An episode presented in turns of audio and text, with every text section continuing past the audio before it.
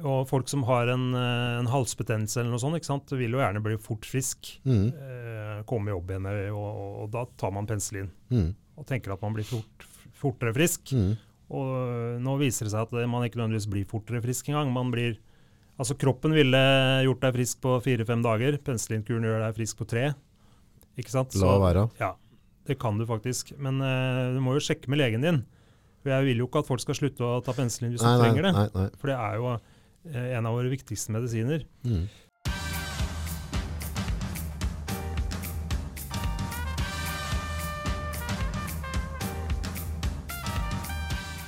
Da er vi på. Da er vi på. Tre, to, én. Velkommen til Nordpodden. Erik Martin, Mart, Martiniussen. Martinius. Ja, nå, da vi vi til allerede. Ja, tusen takk. Journalist, gravende journalist. Ja. Forfatter. Terningkast seks fra Dagbladet. Ja. Stavanger Aftenblad. Ja. Seks. Ja, de har vært greie med meg, de her anmelderne. Terningkast seks. Det Ja. er litt kult når du skrev bok. Det var en som sa jeg skulle tatovere på armen, men øh, det er ikke helt min stil. Ikke helt din stil. Eh, Du liker å grave ned dypet og lære nye ting. Jeg er jo en veldig nysgjerrig type, da. Det er jo en veldig god egenskap hvis du er journalist. Så Kanskje helt avgjørende òg. Jeg vil påstå det. Eh, er må jo være litt interessert i ting. For å liksom eh, treffe nye folk og finne ut nye ting, så må, må du være ordentlig nysgjerrig, egentlig. Ja.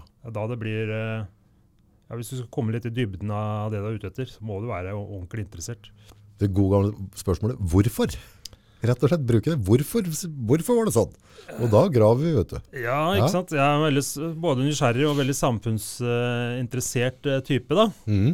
Så jeg er jo liksom opptatt av alt som skjer rundt meg. Og um, det er vel dette her som er årsaken til at jeg ble journalist. Jeg jobba også litt med dokumentarfilm. Og, og det at man i hele tatt skriver bøker, da må du jo grave enda mer i dybden. Så, men også dette her å treffe nye folk, da, som er veldig, er veldig flott med å være journalist. At du hele tiden eh, kan, Er det noe du er interessert i, nysgjerrig på, så kan du liksom ringe dem. Ja.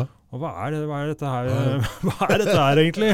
Hva skjer nå? Men det kan du ikke gjøre som privatperson. ikke sant? Jeg er egentlig en ganske sånn beskjeden type privat, opplever jeg. Ja. Mens hvis du, når jeg tar på meg den der journalisthatten, så kan, har jeg liksom en, en grunn til å ta den telefonen. Ikke sant? Eller stille de litt vanskelige spørsmåla. Ja.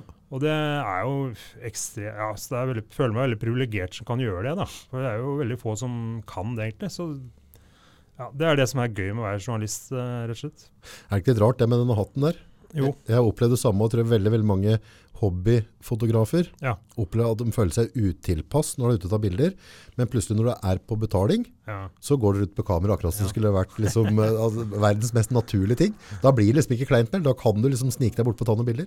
Ja, nei, men det er jo litt sånn. Uh, og det å liksom kunne snakke med ja, Enten det er helt uh, ja, så vanlige folk også. Det, det, du gjør jo ikke det nødvendigvis, at du stikker bort en veiarbeider og spør hva er det som skjer her. Uh, I hvert- fall gjør ikke jeg det, da. Men, Nei, nei. men hvis du er, tar på den, ta, den journalisthatten, så gjør jeg jo det. Ja. Da, da, kommer liksom, uh, kan jeg bruke nysgjerrigheten min til å snakke med, snakke med folk. Og det var litt ut- utgangspunkt for denne boka òg. At det liksom I alle dager, hvor kommer de her resistente bakteriene fra? Og, og da var det å reise rundt og prøve å grave i dette her. da, og Snakke med leger og pasienter og ja. For det som er veldig interessant, synes jeg, med boka di, og det te tematikken du tar opp. Nå har vi jo på en måte, vi har klimakrisa, og det er, det er veldig mange ting som på en måte, mange sånne brennende båter som er farlige for oss, ikke sant? Det er politikken i den store verden, det er mye forskjellige ting. Og så har vi glemt krigen mot Ja. bakterier. Ja. Altså, for en bakterie, tenk for, hvorfor? Hvorfor er en bakterie farlig, mener du? Hva, hva, hva er problemet? Er ikke dette bare en vanlig hoste litt, og så, så går dette til seg selv? Jo, eh, altså bakterier er jo ikke farlig. Det er faktisk eh, en grunntese i denne boka. da.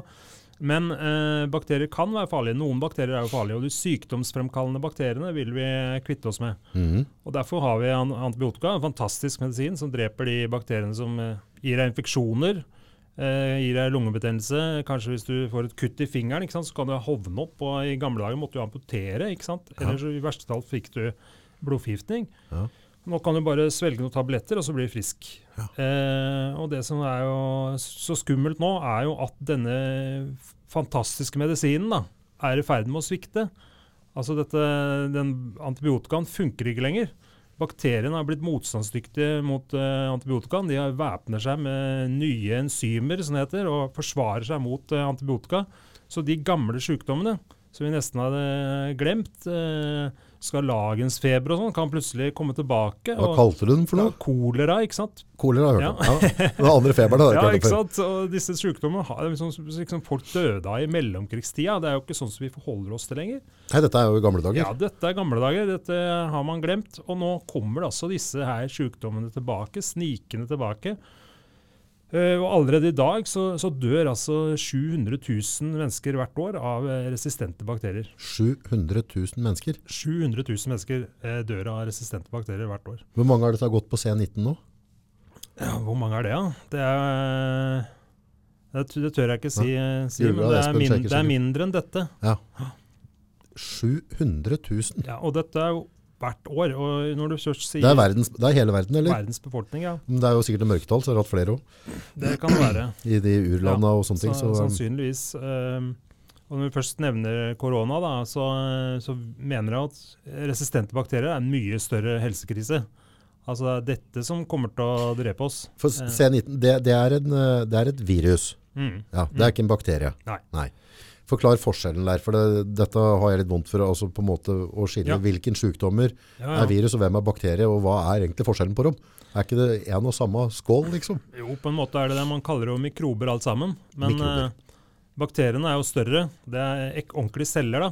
De kan, eh, kan dele seg og bli flere. Det er et lite dyr. Ja, Man regner det som en organisme i hvert fall. Okay. Ok. Eh, mens et virus er enda mye mindre. Så før man, hadde, altså før man fikk det som heter elektronmikroskop, så kunne man ikke se det engang. Først fikk man mikroskop, så Ja. kunne man se bakteriene. For de visste man jo ikke at fantes før i Skikkelig forstørrelsesglass, ikke Ja. sant? Mikroskop. 150 år siden visste man ikke at det fantes. Og så fikk man gode forstørrelsesglass, så kunne man forstørrelses, eh, mikroskop, så kunne man se bakterier. Okay. Ok. Og så fikk man eh, oppunder krigen noe som het elektronmikroskop, og da kunne man se eh, Hva er det for noe? Ja, det er, eh, forstørre enda mer. ok. Eh, og da kunne du se virus. Da. Og virus er så små at de kan angripe bakterier igjen. så de er jo Så liksom det, en virus kan gå inn i en bakterie? Ja. Nå. Ja. Og da, da blir den bakterien annerledes, da? Eller? ja. Da kan den enten drepe bakterien, sånn den dreper menneskeceller, Ja. Eh, eller den eh, kan på en måte samarbeide på et annet vis med bakterien. Men, men det som er spesielt med virus, er at de er egentlig levende døde. da. De kan ikke formere seg selv, sånn som bakteriene kan dele seg og lage altså Én bakterie deler seg i to, to bakterier deler seg i fire, fire i åtte osv. Så, videre. så skaper de et bakteriesamfunn. Ja. Mens en, en virus kan ikke det. Ja. Den må inn i en annen celle, enten det er en bakteriecelle eller et menneskecelle eller et dyrecelle, og formere seg der. Så den, må, den er en snylter, da. Den bruker, bruker den uh, fabrikken som er inni cellen, til å formere seg selv. Ja.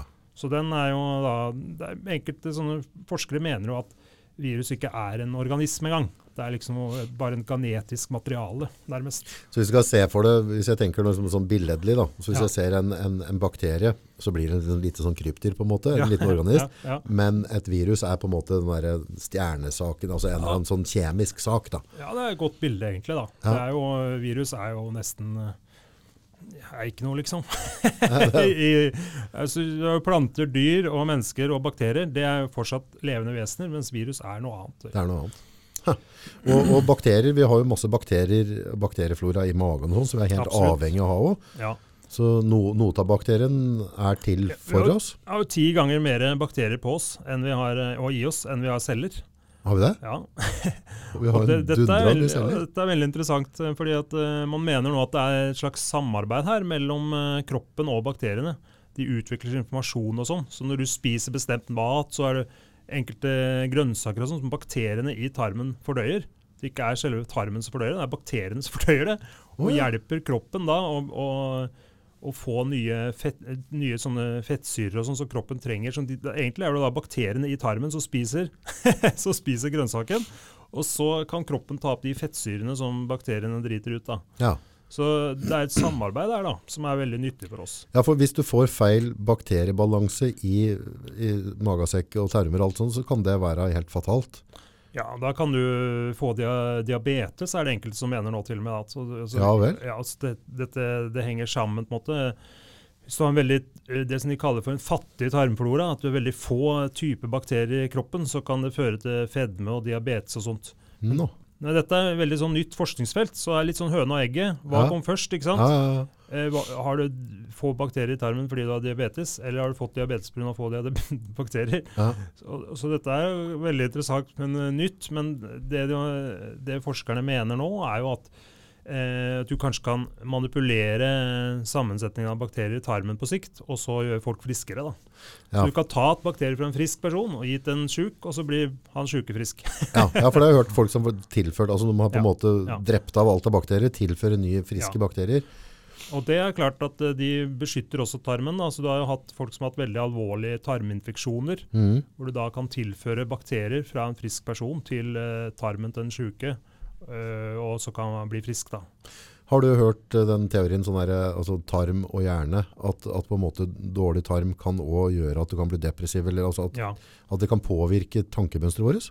ja, det er jo kjempeinteressant. Jeg skriver, Det er helt sjukt, liksom. Jeg skriver, skriver masse om dette i boka. Ja, Eh, de har jo funnet, eh, gjort eksperimenter eh, på mus, annet, som viser at bakteriefri mus, da, for det kan jo gjøre, du kan, eh, du kan ale opp mus i et sterint miljø, så at de blir helt bakteriefri. ikke inni seg, eller?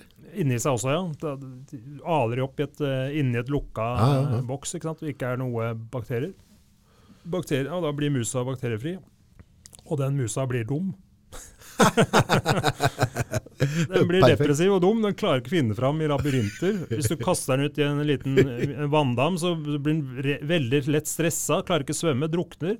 Mens eh, de musene som da hadde en rik bakterieflora, finner fram i labyrinten, ta- tar livet med ro, klarer å svømme hvis de på, blir kasta på dypt vann. Du kan få angst, bli tafatt og depressiv, bare ha feil. Ja, altså, I hvert fall musa, da. Ja, I ytterste konsekvens så henger dette sammen på et eller annet vis. da. Og det er jo ganske nytt. Man har jo Det er litt sånn eh, folk, Folkebevisstheten har jo vært der at sant, du skal lytte på magefølelsen. Og Det er noe i det der at eh, det kanskje er en sånn eh, Det magen forteller deg om hvordan du har det og hva du bør gjøre, og sånt, er ofte ikke så dumt å lytte til. Da. Og nå har man kanskje også funnet at det, at det er vitenskapelig, man kan forklare dette delvis vitenskapelig. Her er det faktisk sammenhenger. Man har noe som heter genusnerven, veldig sånn tykk nervestråd som går fra hjernen til magen. Okay. Så her er det kommunikasjon hele tiden. da. Så bakterien, altså det de klarer nå på en måte å komme, altså bakterien snakker til hjernen. Ja, på Et vis. slags- Enkelt sagt er det det som skjer på en måte. Ja. Eh, Men dette skjer jo men, eh, via eh, masse mulige stoffskifter og sånne ting som, eh, som eh, du og jeg eh, har vanskelig for å sette ord på. Ja. Men, eh, men det er jo det som skjer. Altså, har du da en rik tarmflora, så påvirker det mentale helsen din. Nå. Tror du, altså, tror du folk er, er informert eller vet det rundt i Norge? At det generelle er klar over hvor viktig eh, bakteriene egentlig er for oss, og hvor farlig de egentlig kan være for oss? Nei, jeg tror eh, Det er jo ikke noe man går og tenker på, selvfølgelig. Ja, men det er ganske avgjørende. Ja, ja, det er jo det. Men det man har hørt, lært tidligere Alle har jo lært at det er viktig å spise variert. Ja. Og det, det har man jo visst alltid, man har kanskje ikke helt visst hvorfor. Men noe av dette handler om eh, bakteriefloraen i tarmen. da. Ja. Enkelte ting du spiser, påvirker andre typer bakterier og sånn. Og så er det jo også sånn i forbindelse med dette som jeg skriver om i boka, da, resistente bakterier. Ja. Så er det jo sånn at hvis du får, øh, en, tar en antibiotikakur for å behandle en infeksjon, mm. drepe de slemme bakteriene, så dreper du dessverre mange av de gode òg. ja, for de sier det, går du på penselkur, så må du passe Ja. på å få litt surmjølk etterpå, Ja. noe med Og dette er ganske spennende òg, for det, eh, det er gjort eh, undersøkelser i USA. De tok, en, tok et helt årskull med barn. Eh, altså undersøkte barn som vokste opp, og så undersøkte de eh, Husker jeg ikke antallet, jeg tror det var eh, 5000 barn eller noe sånt. Mm. Og så undersøker de da eh, altså over tid, sjekker hvem som har fått penicillinkur hvem som ikke har fått penicillinkur, og, og hvordan de utvikler seg. da. Eh, og veldig mange av de som hadde fått penicillin, utvikla astma bl.a. Mens de som ikke hadde fått penicillin, eh, ikke gjorde det. Nå. Det er ganske sprøtt. Ja, det er, det er veldig interessant. Og det, men nå i dag også, vi er, vi er, vi altså med en gang vi har symptomer på et eller annet, så er vi veldig gira på å, å få en treatment. Da. Eh, og at, jeg vet ikke, er, Har vi kommet dit hen at vi ikke aksepterer at vi skal ligge syke noen dager, men at vi da på en måte med en gang skal begynne å medisinere? Det er nok litt sånn. Eh, Og folk som har en, eh, en halsbetennelse eller noe sånt, ikke sant, vil jo gjerne bli fort frisk. Mm. Eh, komme i jobb igjen, og, og, og da tar man penicillin. Mm. Og tenker at man blir fort, fortere frisk. Mm. Og øh, nå viser det seg at man ikke nødvendigvis blir fortere frisk engang. Man blir Altså, kroppen ville gjort deg frisk på fire-fem dager. Penicillinkuren gjør deg frisk på tre. Ikke sant? La være. Ja, det kan du faktisk. Men eh, du må jo sjekke med legen din. For jeg vil jo ikke at folk skal slutte å ta penicillin hvis de trenger det. nei, nei. For det er jo en av våre viktigste medisiner. Mm. Og det er derfor jeg mener at vi må bevare den til øh, de som virkelig trenger det. Mm. De som virkelig trenger det, er jo folk som skal opereres for eh, alvorlige infeksjoner. Hvis du trenger en transplantasjon, så må du ha antibiotika. Ja, og, og grunnen da til antibiotika da, for da, da er de minne og manipulerer eh, immunforsvaret, er de det? Ikke sant? Jeg var jo eh, Første gang jeg fikk antibiotika, så var jeg tre år. Da var jeg, fikk jeg lungebetennelse Ja. og ble kjørt til sykehuset, husker jeg. Jeg husker vel knapt, men jeg husker at jeg var på sykehuset og fikk eh, rød saft. Deilig rød saft og Ja. noen tabletter og ble veldig fort frisk.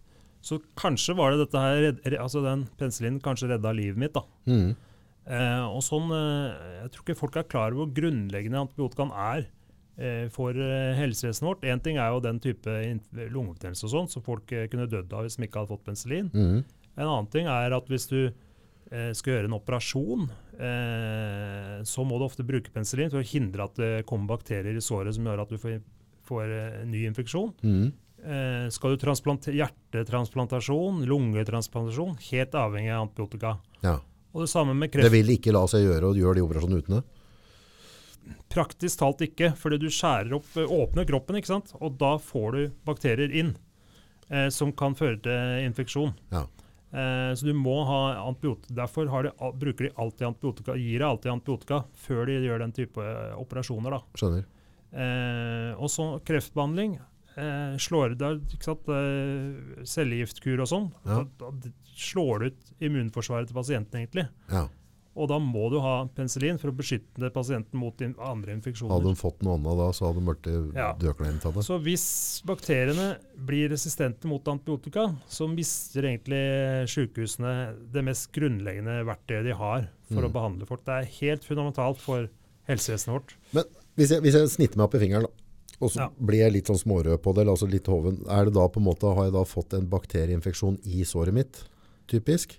Ja, antagelig. Eh, og hvis du får jo ofte litt hovner gjerne løt opp, ikke sant? Ja, ja, ja. Skjærer i fingeren. Men da Dette er jo sånn som immunforsvaret gjerne fikser. Ja. Da kommer det hvite blodlegemer med en gang og dreper de. Men er du, har du kanskje er du, er du, hvis, ja, Nyfødte barn, gamle, som, eh, som har dårlig immunforsvar, vil jo da kunne få en mye mer alvorlig infeksjon. At det kan gå til blodet og sånt. Som Ja. vi kaller da blodforgiftning i verste tilfelle. Mm. Så for å unngå det, da, så får du antibiotika. Mm. Men dette ser du jo med en gang om det hovner opp mer, om du får feber, om det, om det, forverrer, om, om det forverrer seg. Men hvis jeg bruker veldig mye medisiner, altså at jeg er, eh, nå, nå tenker jeg ikke på det legen anbefaler altså at, eh, innenfor normalen, men at jeg sier at jeg er en kaster meg på med en gang, med en gang jeg får et eller annet, vil det være med å svekke mitt eget immunforsvar på, på sikt, tror du? Altså slutter immunforsvaret mitt å bli glupt? Ja, det er jo det leger og forskere tror nå, faktisk. At, eh, at det kan svekke litt immunforsvaret ditt. Men det vil jo bygge seg opp igjen over tid. da. Mm. Så det er klart hvis du er, får en infeksjon, så må du jo ta antibiotika. Jo, jo, jo. Men eh, at, det kan, eh, at det kan svekke immunforsvaret ditt eh, en periode, det er sannsynlig. Jeg med en, det er en, en norsk ekspert på dette, her, eh, professor Dag Berild på Universitetet i Oslo. Ja. Veldig smart og hyggelig fyr òg. Han har jobba med infeksjonspasienter i eh, hele sitt liv. Og jeg husker jeg fortalte han en gang, for jeg fikk, eh, jeg fikk Før jeg skrev denne boka, så fikk jeg en halsbetennelse. Oi, Ja, det var, det var midt i påskeferien, og det var aktypisk sånn at jeg, da ville jeg gjerne bli frisk. Og da fikk jeg en, eh, en eh, antibiotikakur og ble ganske fort frisk. Eh, men så gikk det bare to måneder, tror jeg, og så kom det tilbake.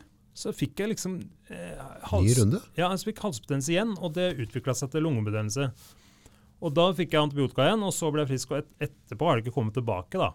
Men da spurte jeg han eh, Dag Berild om dette her, og han sa at det kunne godt henge sammen.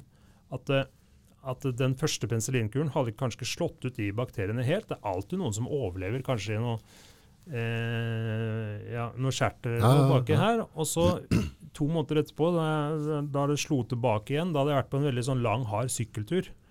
Så Pusta veldig tungt inn, var helt utslitt. Og så jeg, kom det tilbake. Så satt der ungene. Ja, og da, da var kanskje både det at immunforsvaret mitt kanskje var litt svekka, og, eh, og det at eh, de bakteriene da hadde overlevd, gjorde at det kunne komme tilbake. Og, og dette skriver jeg også om i boka her, for det, det er gjort ny interessant forskning som viser at hvis du da hvis du lar immunforsvaret slå tilbake den betennelsen, Mm. eh, så er det tilbakefallelsesprosenten mye lavere. No. Så de, de, eh, de som behandler det med antibiotika, har større tilbakefallelsesprosent. så det var jo veldig interessant, da. Spennende. Men, så vi må bruke huet litt rundt antibiotika, rett og slett. Jeg vet døtrene mine, heldigvis de er ja, 7 og 13 hvert øyeblikk begge to, så um, aldri brukt antibiotika. Nei, Har nettopp. ikke hatt behov ennå. Jeg er veldig glad at vi ikke har hatt behov for det foreløpig. ikke Og så tenker liksom sånn, men har de hatt litt vondt i øra, sånn, Ja. så, så venter vi litt. Ja. Altså, jeg har ikke vært sånn at jeg fyrer på med en gang og, Ja. og uh, red alert. Ja. Så, men resistente bakterier, ja. eh, når er det det, altså hvor er det de kommer fra? Altså er det noe som kom i forrige års, eller er det- kom det for tusen år siden? Eh, det kom jo etter krigen, det meste av dette her. Eh, Og så det er så ferskt. Eh, antibiotikaen kommer i bruk eh, det, er jo en, det er en spennende historie i seg sjøl, Ja. hvordan eh, antibiotikaen kom i bruk. Ja, For det var jo eh, Hvis jeg får ta den. ja kjør, kjør. Det var jo Alexander Flemming, en britisk mikrobiolog, som oppdaga pen første penicillinet. Ja, Og det penicillin produseres av en sopp. Den soppen er i krig med bakteriene, holder bakteriene unna. Så dyrka han fram denne antibiotikaen. Det er jo da type et stoff som den soppen produserte. Mm. Og fant ut at eh, det her kan du bruke som medisin. Men det var alt veldig dyrt og vanskelig å, å, å produsere. Du måtte dyrke veldig mye av den soppen. Du måtte jo da ha sengepanner eller store tanker ikke sant? så du dyrka sopp i. ja, Og så måtte du hente ut den der, eh, Stoffet? Ja. som han kalte for eh, mugg, muggjus, kalte han det først. og dette hadde han hadde jo ikke penger til å holde på med det her, men så kom krigen. Og da eh, var det jo veldig mange soldater som døde av infeksjoner. Mm. Ikke sant? Eh, Hvis de skjøt Ti soldater ble truffet med en kule, da. Og to av dem døde av skuddskadene, så døde, døde kanskje tre av infeksjon. Så, Nå, flere som døde av infeksjoner. enn skuddskadene. Ja, ikke sant? Det er ganske sprøtt. Ja. Og da begynte man å se etter her må vi ha en kur. Eh, og ikke sant, under krigen så mm, da forandrer jo alt seg. Så da var det en, en britisk forskerteam som tok med seg den uh, muggehusen som han uh, Flemming hadde funnet, dro til USA. Og der, de, der var det et stort apparat. Eh, amerikanske regjeringa satt opp eh, sånn eh, eh, krigsboard, som de kalte det og et samarbeid med farmasiindustrien for å utvikle nye medisiner. Så det gikk masse penger til farmasiindustrien. Farmasiindustrien investerte også masse sjøl. Eh, og så utvikla man penicillin, og første gang det kom ordentlig i bruk, var på D-dagen. Oi, Invasjonen Normandie? Invasjonen i Normandie. ja. Da hadde de soldatene med seg penicillin. Så dette var jo et enormt, ikke bare viktig helse... eh, Ja, men for å beholde soldater da, hvis tre, Ja. tre av ti røk av, det er jo, Fantastisk. det kan jo flippe krigen. Ja, og det var det man, og pluss at det var et enormt propagandavirkemiddel. da. Mm. Du skyter en soldat, tar en, noen tabletter og spretter opp og kan slåss igjen. Ja, ja. Mens de tyske soldatene havna på lasaretten og døde kanskje av infeksjoner. da. Mm. Så det har et enorm eh, sånt propagandavirkning òg. Mm.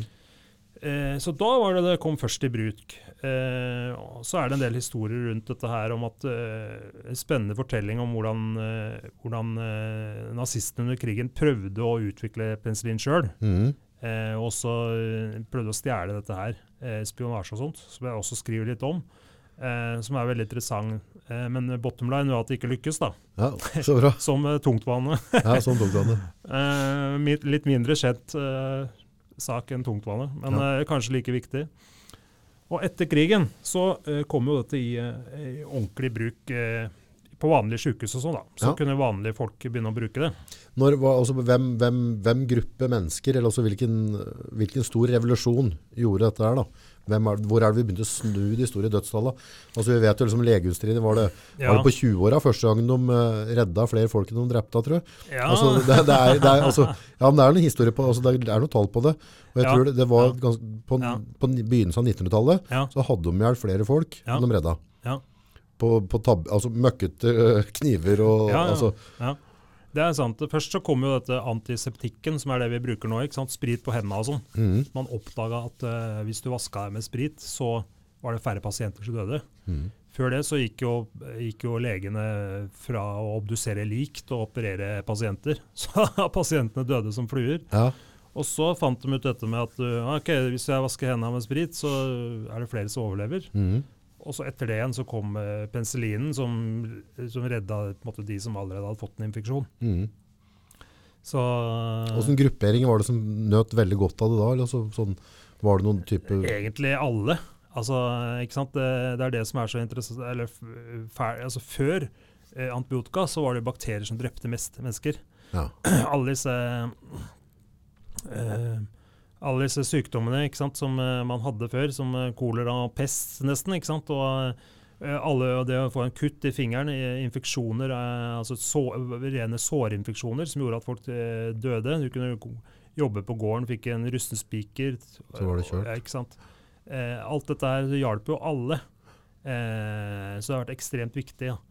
Fra gammelt av så hadde jo alle gårder hadde hydrogenperoksid i skapet sitt å rense sår med. Sier du det? Ja, Ja. Vanvittig effektivt. Den bruker du jo operasjonen en dag i dag på Ja. å rense ja. utstyret sitt. Da ser du alt der det på en måte sånn er sånn levende organismer, så Mm. koker det opp så vidt. Ganske stilig. Så hvis du har en sånn skjærefjøl hjemme, så der du skjærer og sånn, og du kan vaske den helt rent, Ja. så tar du en klut med dette så drar du på, så ser du hvor mye som kommer til å skumme opp i sprekka. Da blir du litt overraska. Og så vasker du den til da, så er det gjort. Da er det borte. Så det er ganske rå å rense med. Ja, det kan jeg se for meg, ja. ja. Eh, men Men det, penicillin, ja. ja. ja, ja det, først så kom det jo i bruk i helsevesenet, selvfølgelig. Mm. eh, som var en revolusjon. Masse pasienter som før døde, overlevde. Men det som eh, eh, kanskje er, eh, var haken her, da, var jo at man begynte å bruke det til å produsere kjøtt. ja hvor, det har ikke med kjøtt å gjøre, det? Nei, eh, og det er også en eh, annen historie som jeg skriver mye om. For det, hvordan i alle dager eh, havna penslene i kjøttproduksjon?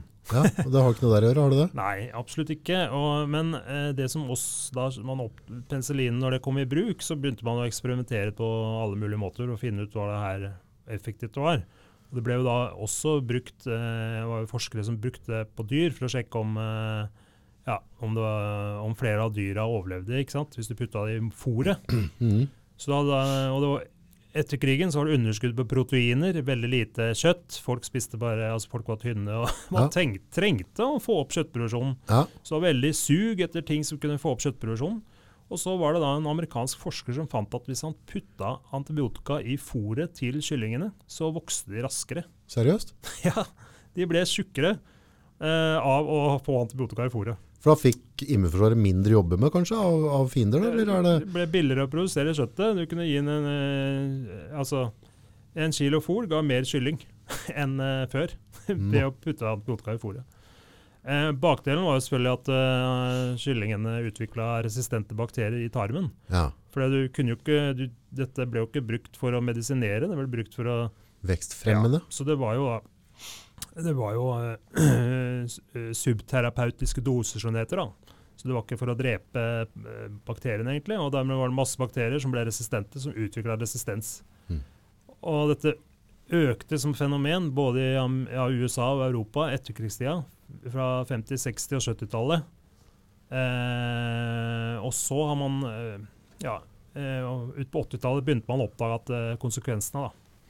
Og der tror jeg, hvis en forhold til det, for der er det en, en sånn generell misforståelse som jeg har selv ledet under.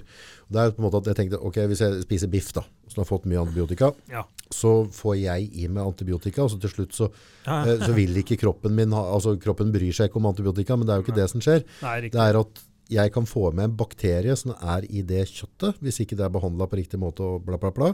Ja. Og så, hvis jeg da blir syk av den, så har den vært ut altså, Ja. Det er en så lang generasjon av bakterier Mm. som har lært seg til å overvinne antibiotikaen. Ja. Så når legen skal gi det til meg, så funker det ikke. Ja, det er helt riktig. Det er en vanlig misforståelse at folk eh, tror at det er antibiotika i kjøttet. Ja, for Ja. Det, det, er når folk som så seg sprøytene i biffen, det er det jeg trodde, ikke sant? ikke sant? Og så kommer du og sier nei, nei, det her er, det, det er bakterier du skal passe på. Ja, det er bakteriene, ja. Eh, og noen vil jo kanskje huske det her at det ble oppdaga ESBL, da, som er en type resistent bakterie, ble oppdaga i kyllingkjøtt Ok, eh, for noen år siden. Eh, og da kutta jo eh, norske kyllingprodusenter ut eh, det- stoffet narasin, het det, som eh, førte til at det, ble resistente bakterier i kyllingen. Så heldigvis eh, er jo det borte nå, nesten. ja. Eh, men i Tyskland, Spania, Italia, også Danmark dessverre, bruker man fortsatt mye antibiotika i produserer kjøtt. Ja. Eh, så man vet at det er masse resistente bakterier i tarmen til disse dyra, eh, og det kommer inn i kjøttproduksjonen. da. Slakter du en kylling, slakter du en gris, så ja, det er nesten umulig at det ikke kommer bakterier på noe av kjøttet. Eh, og da kan du få det i deg når du spiser det. Og spesielt eh, kjøtt som ikke er gjennomstekt. da, Saftig biff på kos. ja. Dårlig idé. Ja, deilig. Og så kommer du hjem med Og så hvis jeg vasker salat i springen Ja. under på restaurantene, Ja. så er du bankers, liksom. Ikke sant. Så dette sprer seg da fra dyreholdet til oss mennesker og, og gjør dessverre folk syke. Og som jeg var inne på i starten, 700 000 mennesker i året eh, dør av resistente bakterier i dag. Og Det skyldes jo ikke bare dyreholdet, men poenget er at disse bakteriene kom, har kommet inn i sykehusene. da. Og der, når de først har kommet inn der, så kan de eh, leve i sprekker og kroker og, og overalt, egentlig. Det er nesten umulig å bli kvitt. Altså, de, altså, så hvis det ligger en bakterie i en sprekk her, så kan den overleve en stund, er det det du sier? Ja, på doen eller på dørhåndtaket. Akkurat som jeg, med disse virusene som vi driver og slåss med nå. da. Ja. Samme kan skje med resistente bakterier. At de kommer inn på sykehusene og, og, og dreper folk med dårlig immunforsvar. Så det er veldig alvorlig, da.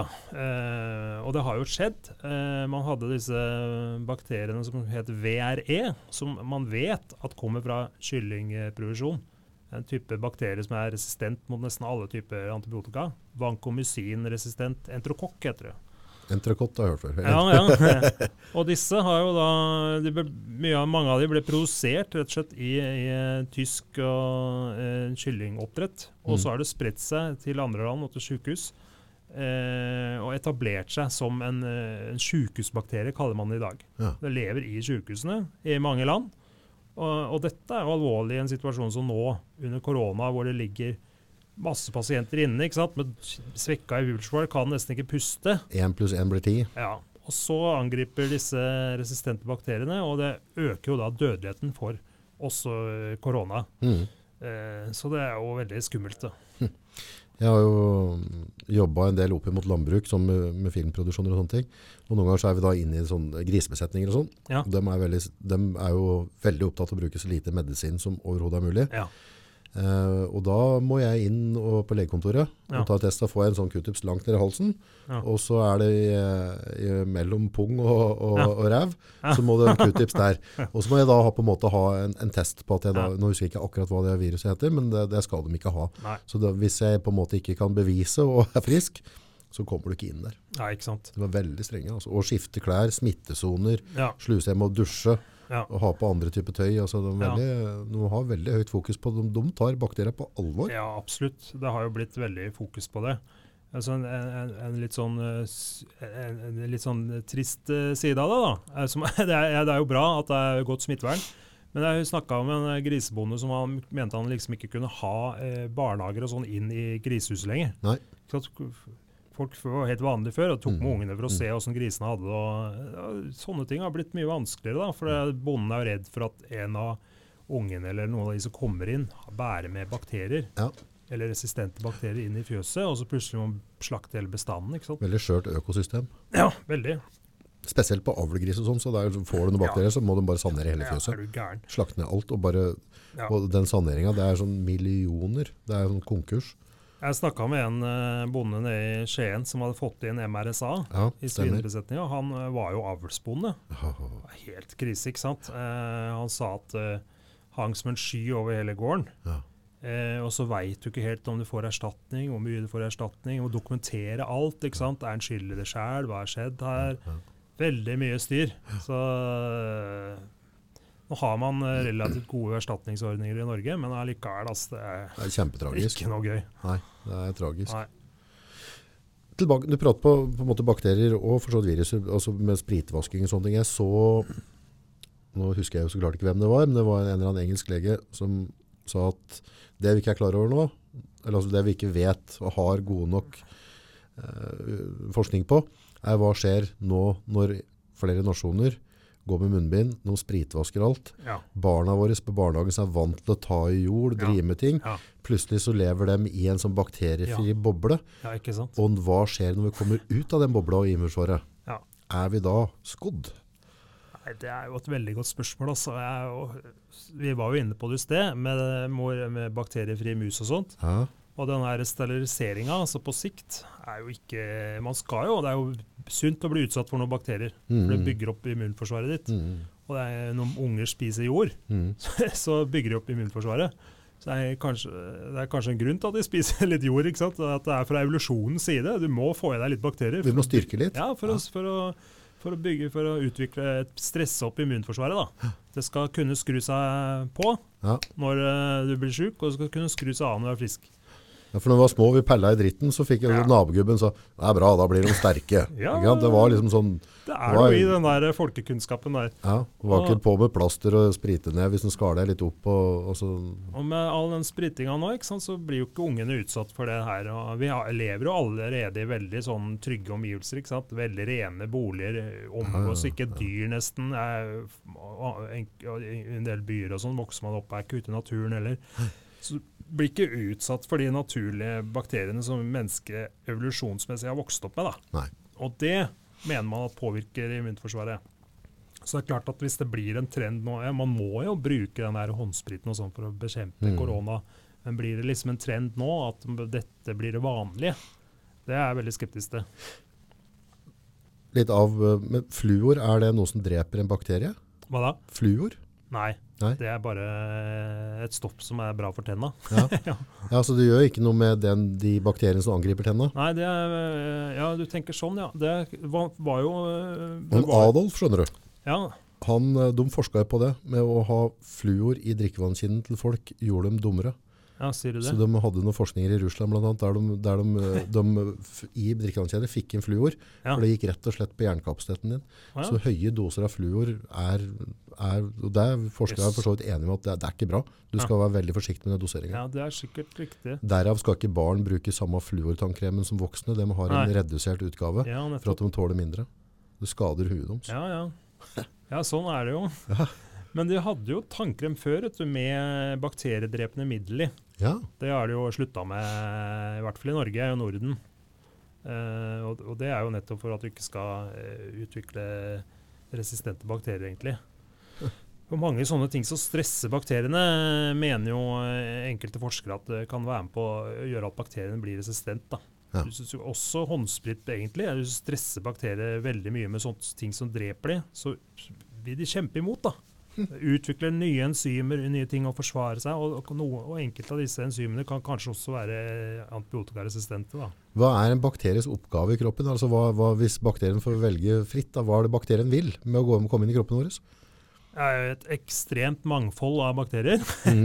Mm. Så mm, eh, De har jo eh, alle helt ulike oppgaver. Du har jordbakterier og tarmbakterier og hudbakterier og andre bakterier. Men Ønsker bakterien egentlig å drepe oss, eller ønsker den å være at, at vertskapet skal kunne leve, at den skal kunne leve i et samarbeid? Den vil jo leve i et samarbeid. Eh, så de bakteriene som er i tarmen eksempel, lever jo i et samarbeid. Og den vil jo helst være i tarmen. Men hva, hva, det som har skjedd da? Hva, hva har skjedd med evolusjon? Hvorfor har vi plutselig da fått de bakteriene som er ute etter å ta knekken på oss? Ja, Når vi har de, vi har de good guys, og så har vi Ja. noen bad guys. Hvem er det som lagde Rebella? Ja, et veldig godt spørsmål. Eh, Det, man vet f.eks. at tuberkulose mener man kanskje kommer fra ku. altså at En del av disse her eh, sykdommer som ikke er tilpassa mennesker, eh, har kommet veldig seint i evolusjonen.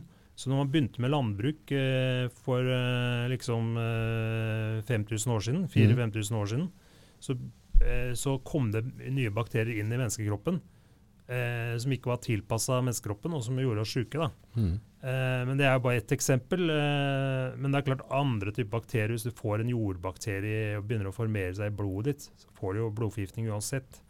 Så det er jo noe annet, annet igjen. Mm. Eh, men også eh, pest er jo veldig interessant. Pest, ja. ja. ja. det er jo en bakterie. Eh, Det er bakterie, det òg. Ja, det som Pest. forårsaka svartedauden. Ja. Det er jo Yersinia pestis. Det er også en bakterie som ikke er tilpassa mennesker, egentlig. Den kommer jo fra lopper.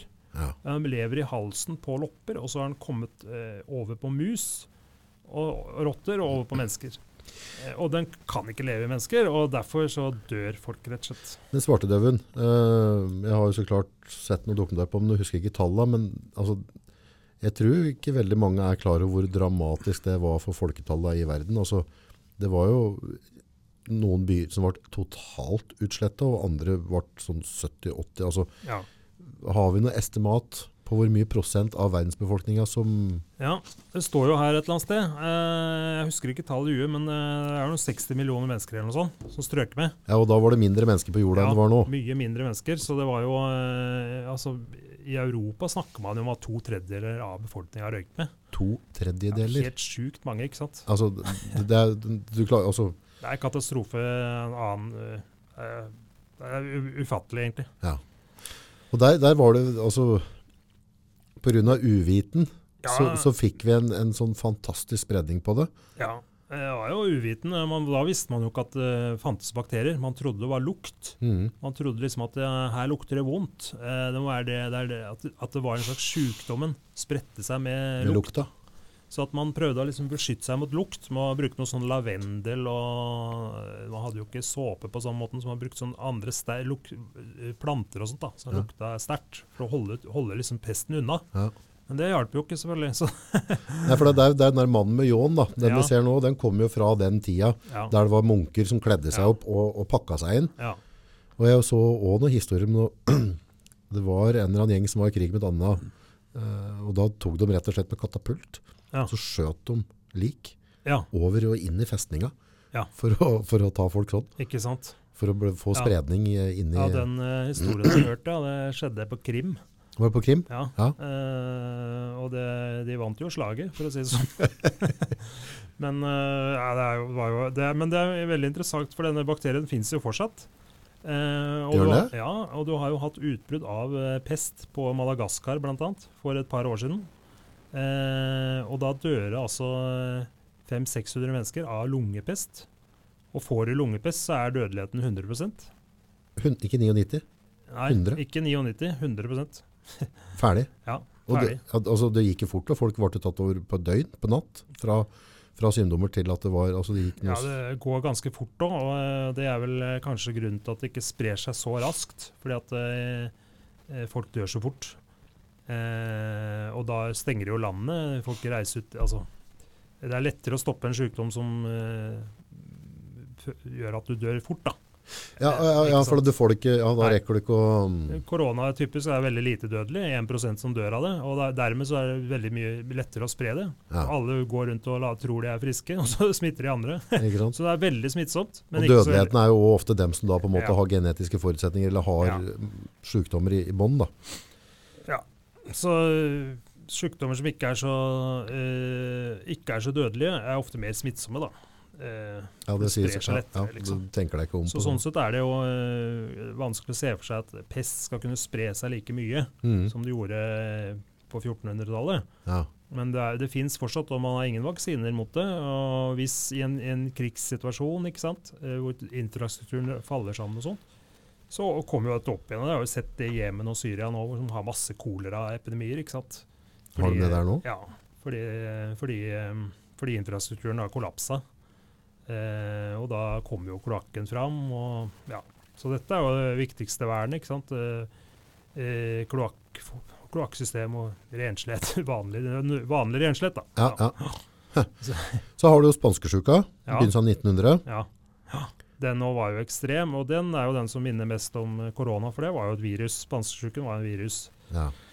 Eh, veldig smittsom, Men eh, ikke så stor dødelighet egentlig, men man anta, antagelig høyere dødelighet enn korona. da. Men svartdauden, det var en bakterie. Det var en bakterie, ja. Mm. Og spansksjuka var da Ja, virus. Ja. Men det er også sånn at viruset forandrer seg hele tiden. Sånn som så, som Spansksjuken finnes jo ikke lenger. Den eh, forsvant jo.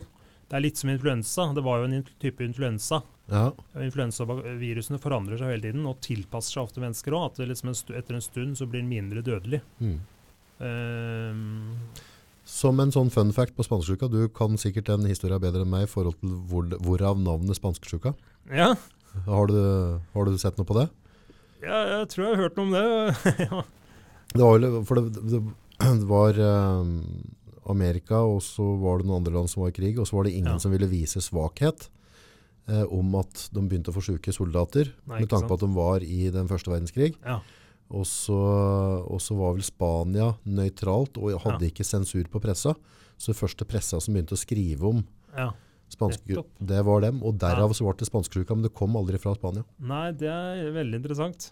Så, for det var jo Man skyldte på det snille landet som var nøytralt. Yes. ja, men for da, da ble det liksom For det så i noen av de amerikanske campa, for det ble jo, det ble jo satt opp eh, brakkerigger for å Mm. få inn soldater inn til trening. Altså, det, der det, det var dobbelt så mye folk Mm. i lokalene der det burde ha vært, Ja. og så videre. Og så fikk du mye influensa, for det var for dårlig fyring. Ja. Så folk ble forkjøla eller altså ble sjuke Ja, av dette der.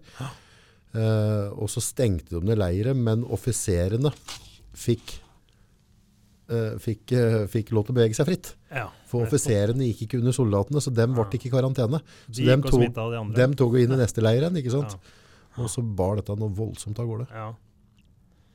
Ja, det, det er jo eh, ofte litt sånn at eh, det er noen privilegerte som har noen, eh, får noen unntak, som ender opp med å spre sykdommen. Jævla dårlig opplegg. Ja. Men forhold til, altså vi, vi, vi har som vi pratet på tidligere, vi har de her, eh, flytende plattformene som brenner nå, med ting vi Mm. skal passe oss for. Mm. Tenker du at bakteriene er den største faren vi har? ja, det vil jeg påstå. Altså Resistente bakterier. Hvis eh, vi mister antibiotikaen og bakteriene blir resistente, så er vi 100 år sett, bringes helsevesenet 100 år tilbake i tid. altså. 100 år, altså, du knekker det helt, er det du sier? Vi får et helt annet samfunn. Altså, det er så grunnleggende for ikke sant? Korona nå, det man har sett med korona, er at helsevesenet er begrensa. Du har ikke plass til 100 000, du har ikke plass til 10 000 pasienter på et sykehus. Derav vi skal brense Ikke sant? Og eh, hvis alle som nå eh, behandler, sjølbehandler seg med antibiotika, du får jo bare noen tabletter når du har infeksjon, hvis alle de plutselig skal ligge på sykehus i ukevis og liksom få pleie og ikke bli friske igjen og sånt Det var jo sånn det var før. Tuberkulosepasientene lå i årevis. Gjorde de det? Ja, de blir jo ikke friske. Bare lå på sanatorier i år etter år. Så Gjorde ble de det? kanskje litt bedre, og så kommer de tilbake igjen. ikke sant? Og sånn eh, Tuberkulose, virus eller bakterie? Bakterie, ja. Bakterie. Mm. Eh, Ja, for det, det trodde du kom fra ku. ja, det stemmer. Ja. Ja. Det er en teori at det kom fra ku for 5000 år siden. eller noe sånt. Oi. Man har jo funnet ut at noen av disse faraoene døde av tuberkulose. Nei. Men uh, poenget er i hvert fall at uh, sykehuset har ikke kapasitet til alt det her. Det blir altfor dyrt òg å skulle ha så mange pasienter inne. Så sannsynligvis så vil jo ikke staten, velferdsstaten kunne bære det. Da, da endrer du den situasjonen at mange flere må eh, ligge hjemme, syke hjemme, Mm. som det var i gamle dager. Mm. Du må behandle kona di eller mora di sjæl. Altså stelle De ligger hjemme i senga, ikke sant? du blir aldri frisk. Så Det er jo det, liksom det verste, det er liksom worst case scenario her. da. Hva kan vi gjøre, tenker du? Altså, hva, hvor er det vi skal åpne øya? Ja, Først og fremst mener jeg det er eh, det som gjøres Den bruken av antibiotika i kjøttproduksjonen er galskap. Den er verre enn den antibiotikaen vi tar sjøl. Ja, absolutt. Altså det er, det er, vi bruker for mye antibiotika i helsevesenet også, men 80 av antibiotikaen, 8 av 10 tabletter, deles ut til kjøttproduksjonen i verden. 80 går til å lage billig kjøtt. Og jeg er glad i kjøtt. Jeg spiser, jeg spiser, Vi kan ikke bli vegetarer av det. Nei, Altså. nei, jeg, det må folk bestemme sjøl, men, eh, men det er ikke noe mål, det. Altså, du kan jo fint pro produsere jo veldig fint kjøtt i Norge uten antibiotika, og det gjør du i Sverige òg. Mm. Eh, men det der industrialiserte greiene med å døtte antibiotika inn i kylling og gris, det må eh, forbys, altså. Ja, men Klarer vi da å, å fòre en hel verden hvis vi ikke kan drive effektivt? Er det måter å gjøre dette på? Mm. Er det, er det slett håndverk som gjør at de bruker så mye antibiotika? Ja, Kunne vi klart det uten? Absolutt, eh, det kunne man jo. Det sier seg sjøl at når dyra står eh, så tett som de gjør, da, mm. at jo tettere dyra står, jo flere blir sjuke. Eh, og det er jo det som er problemet her, at hvis du har en Men dette går jo an å håndtere med å ha, eh, ha noe større bur, noe større avstand. Sånn som det er i Norge og Sverige, egentlig. Funker jo helt fint. Ja. Og sånn, sånn kunne Men vi er jo ikke så mye folk her som vi er i India, da, f.eks. Nei, det er, det er vi ikke. Men uh, inderne spiser ikke så mye kjøtt heller. Så Nei.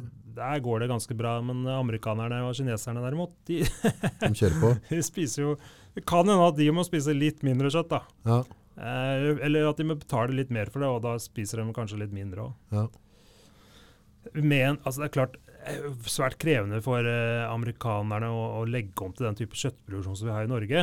Eh, men, Ja, det, men jeg gradvis vil jo tenke at det er mulig. da. Man må jo se på hvilke konsekvenser det har i dag. At man eh, produserer rett og slett resistente bakterier i kjøttproduksjon. Eh, er, jo, er, jo, eh, er jo veldig, veldig skummelt. Jeg har jo kommet til eh, Jeg vet at jeg får ikke forandra Mm. verdenspolitikken. Men, men jeg kan jo på en måte forandre hverdagen min og, og livet mitt. Ja. Hvis du tenker nå min helse og min familiens helse, eh, step by step, altså hva, hva syns du jeg bør tenke på med tanke på hva vi spiser? Nei, Den type råd klarer jeg ikke å gi, altså. Det, er ikke, det er ikke mitt uh, bord, altså. Men uh, man må jo bare spise variert. Det er det jeg tenker. Men tenker du da at hvis jeg på en måte spiser mer norskprodusert kontra brasilprodusert Ja, kjøtt, sånne ting, altså sånn, ja. er det, har Ja. jeg, altså, Det kan jo ha en sånn forbrukermakt, liksom. eh, Det kan jo ha litt å si.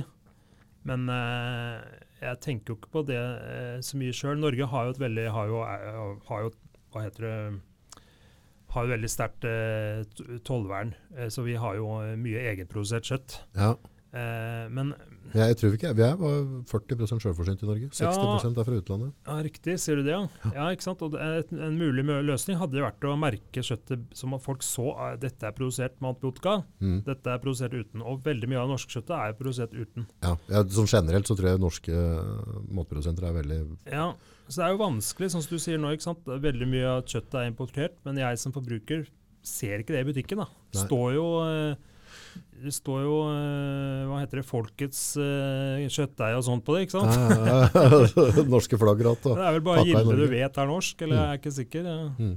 Men så hvis på en måte jeg tenker nå at jeg har lyst til å, å gjøre det jeg kan sjøl Ja. her, Ja. så i det, hvis jeg er nøye da, Ja. og, og plukker mye norske produkt, Ja. eh, og fôrer barna mine på det, opp igjennom, så kanskje de kan være et hestehue foran ja. en, en barn som har vokst opp i USA. Jeg tenker jo at det er fornuftig. Det, er jo, det kan være fint å ivareta det norske den, Vi har jo en sånn desentralisert eh, produksjon i Norge med ganske godt dyrevelferd, lite medisinering og sånt. Det har en verdi å ivareta det landbruket rent sånn nesten i verdenssammenheng òg, for å vise fram at det går an. Ja. Det er klart det koster oss jo en del, da. Eh, det gjør jo det, men Det er alternativet er det EU-landbruket, da. Det, det det du sier, altså forbrukermakten, så hvis vi som nordmenn begynner å være litt aktive på å bruke huene vi velger, Ja. Så ok, jeg ser at den biffen koster meg litt mer, da, så får jeg spise Ja. litt mindre da. Ja. Og så tar jeg heller det som er kvalitet, eller altså det jeg opplever som er mindre medisinert, ja. Uh, og så får jeg heller gå noen prosent ned på mengde jeg spiser, Mm. eller barna mine spiser, men at vi på en måte sørger for at det er en god kvalitet på det. Og det er luksus å få lov til å velge som vi gjør i Norge. Da. Ja, absolutt. Og så tenker jeg en type merkeordning kunne vært uh, bra, da. Ja. Altså hvis man kunne fått merka importert kjøtt med Eller merka det som er produsert uten antibiotika, i hvert fall. Ja. Det gjøres jo bl.a. i Skottland. De Gjør har, det? Ja, du der kan du kjøpe stål at kjøttet er produsert uten antibiotika. Ja. Og det, og det så, Som vi snakka om innledningsvis, det er jo viktig for, eh, for å begrense spredning av resistente bakterier. Det er ikke nødvendigvis det at du, du får ikke i deg antibiotika og spise det kjøttet, men eh, mm, ja. Men er, er, det noe, er, det noe, er det noe grafer på hvor, hvor vi er hen om 40 år hvis ikke vi eh, change our ways? Altså, kan du, kan du skremme meg litt her nå? Ja, jeg sa at uh, beregninger nå sier at det er 700 000 mennesker som årlig dør av resistente bakterier. Uh, det tallet regner man med at vil øke til 10 millioner i 2050. Altså 10 millioner mennesker kan dø av resistente bakterier hvert år i 2050. Det er en ganske bra økning. Ekstremt øk økning, og dette går jo veldig fort. Det sprer seg jo eh, som en sånn eh, pandemi, dette her. Blir, blir det den der, når du først hadde hatt 10 millioner, vil det bli en sånn der, pyramideeffekt der?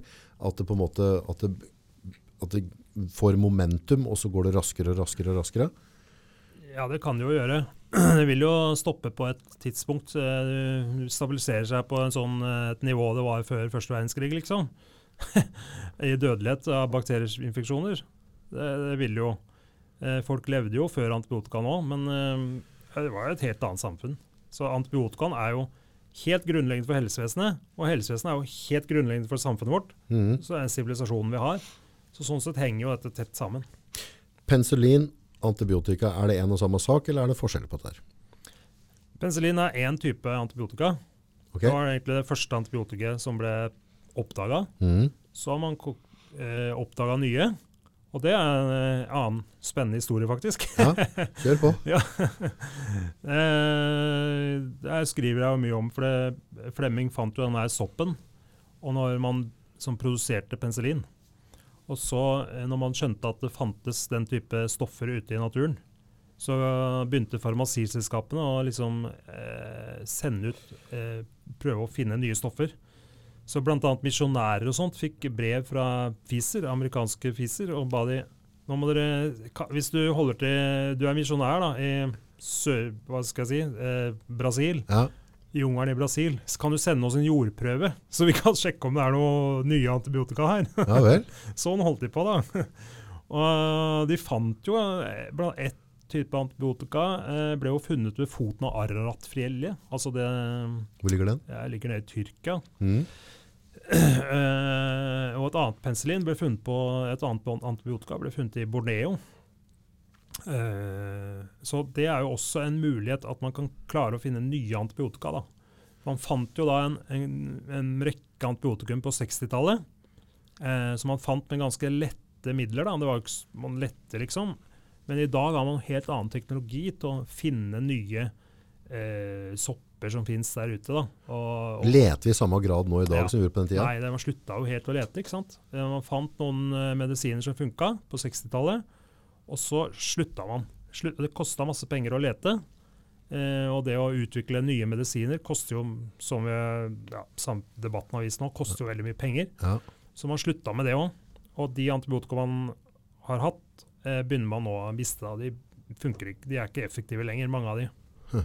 Så Derfor er det nødvendig å finne nye antibiotika, og eh, samtidig redusere bruken av den vi har, for, at den skal, for å bevare den, rett og slett. da. Vaksine. Er det mot bakterier, eller er det mot Ja. Nei, det kan være mot begge deler, faktisk. Det kan være begge Ja. deler. Ok. Ja. Eh, du har jo effektive vaksiner eh, mot eh, virussykdommer og effektive vaksiner mot bakteriesykdommer. Så det, Så det er begge deler. Hvor, stor, hvor stor innflytelse har det vært på å få kontroll på bakteriene? ja, så For tuberkulose var det jo veldig viktig. Ja. Eh, man fikk jo BCG-vaksinen kom jo eh, like etter første verdenskrig. Å, så tidlig? Ja, Ja. Kom ganske tidlig. Eh, var veldig viktig for å begrense barnedødelighet. mm. eh, og spredning av, eh, ja, av tuberkulose. Og så seint som eh, 50-60-tallet døde jo mange barn i Norge av tuberkulose. Gjorde det? Og så fikk man vaksinasjonsprogram eh, for barn, eh, og så har man jo blitt kvitt det, rett og slett. Så eh, Nå jeg mente jeg fikk med meg et eller annet sted at, at den, den BCG-en da, Ja. som, som på en måte har vært produsert i senere tid, da, ja. eh, at tuberkulosen har mutert igjen. Å, ja. Så den gamle vaksinen, altså ja. eh, selv om du har vært vaksinert da, mot Ja. tuberkulose, så har du fått en tuberkulose fra type Kongo eller et eller annet, oh, ja. som, som eh, den vaksinen er ikke har klart å plukke. Da. Det fins i hvert fall eh, resistent tuberkulose nå, som er resistent mot penicillin. Da. Så Ja. hvis du får, først blir uh, sjuk av tuberkulose, så kan det ikke behandles. det fins. Hvordan er dødeligheten da? Er det, Jeg har ikke tall på huet, altså. er Men, det eh, dårlige odds? Altså. Folk levde jo i mange år med tuberkulose, men det svekker jo eh, Hva heter det livet ditt, da. Ja. Du kan kanskje ikke jobbe gående hjemme. For da, da blir svekka pusten? Ja, veldig. ikke sant? Og det kommer og går. ikke sant? Det hoster jo blod. ikke sant? Og det, og det, det, det, skal du ikke gjøre nå i dag. Gå på bussen og sitte og hoste blod. Da blir du sjåda. Da får du, blir du kasta ut. Ja. Blir du kasta ned på stanger på toget.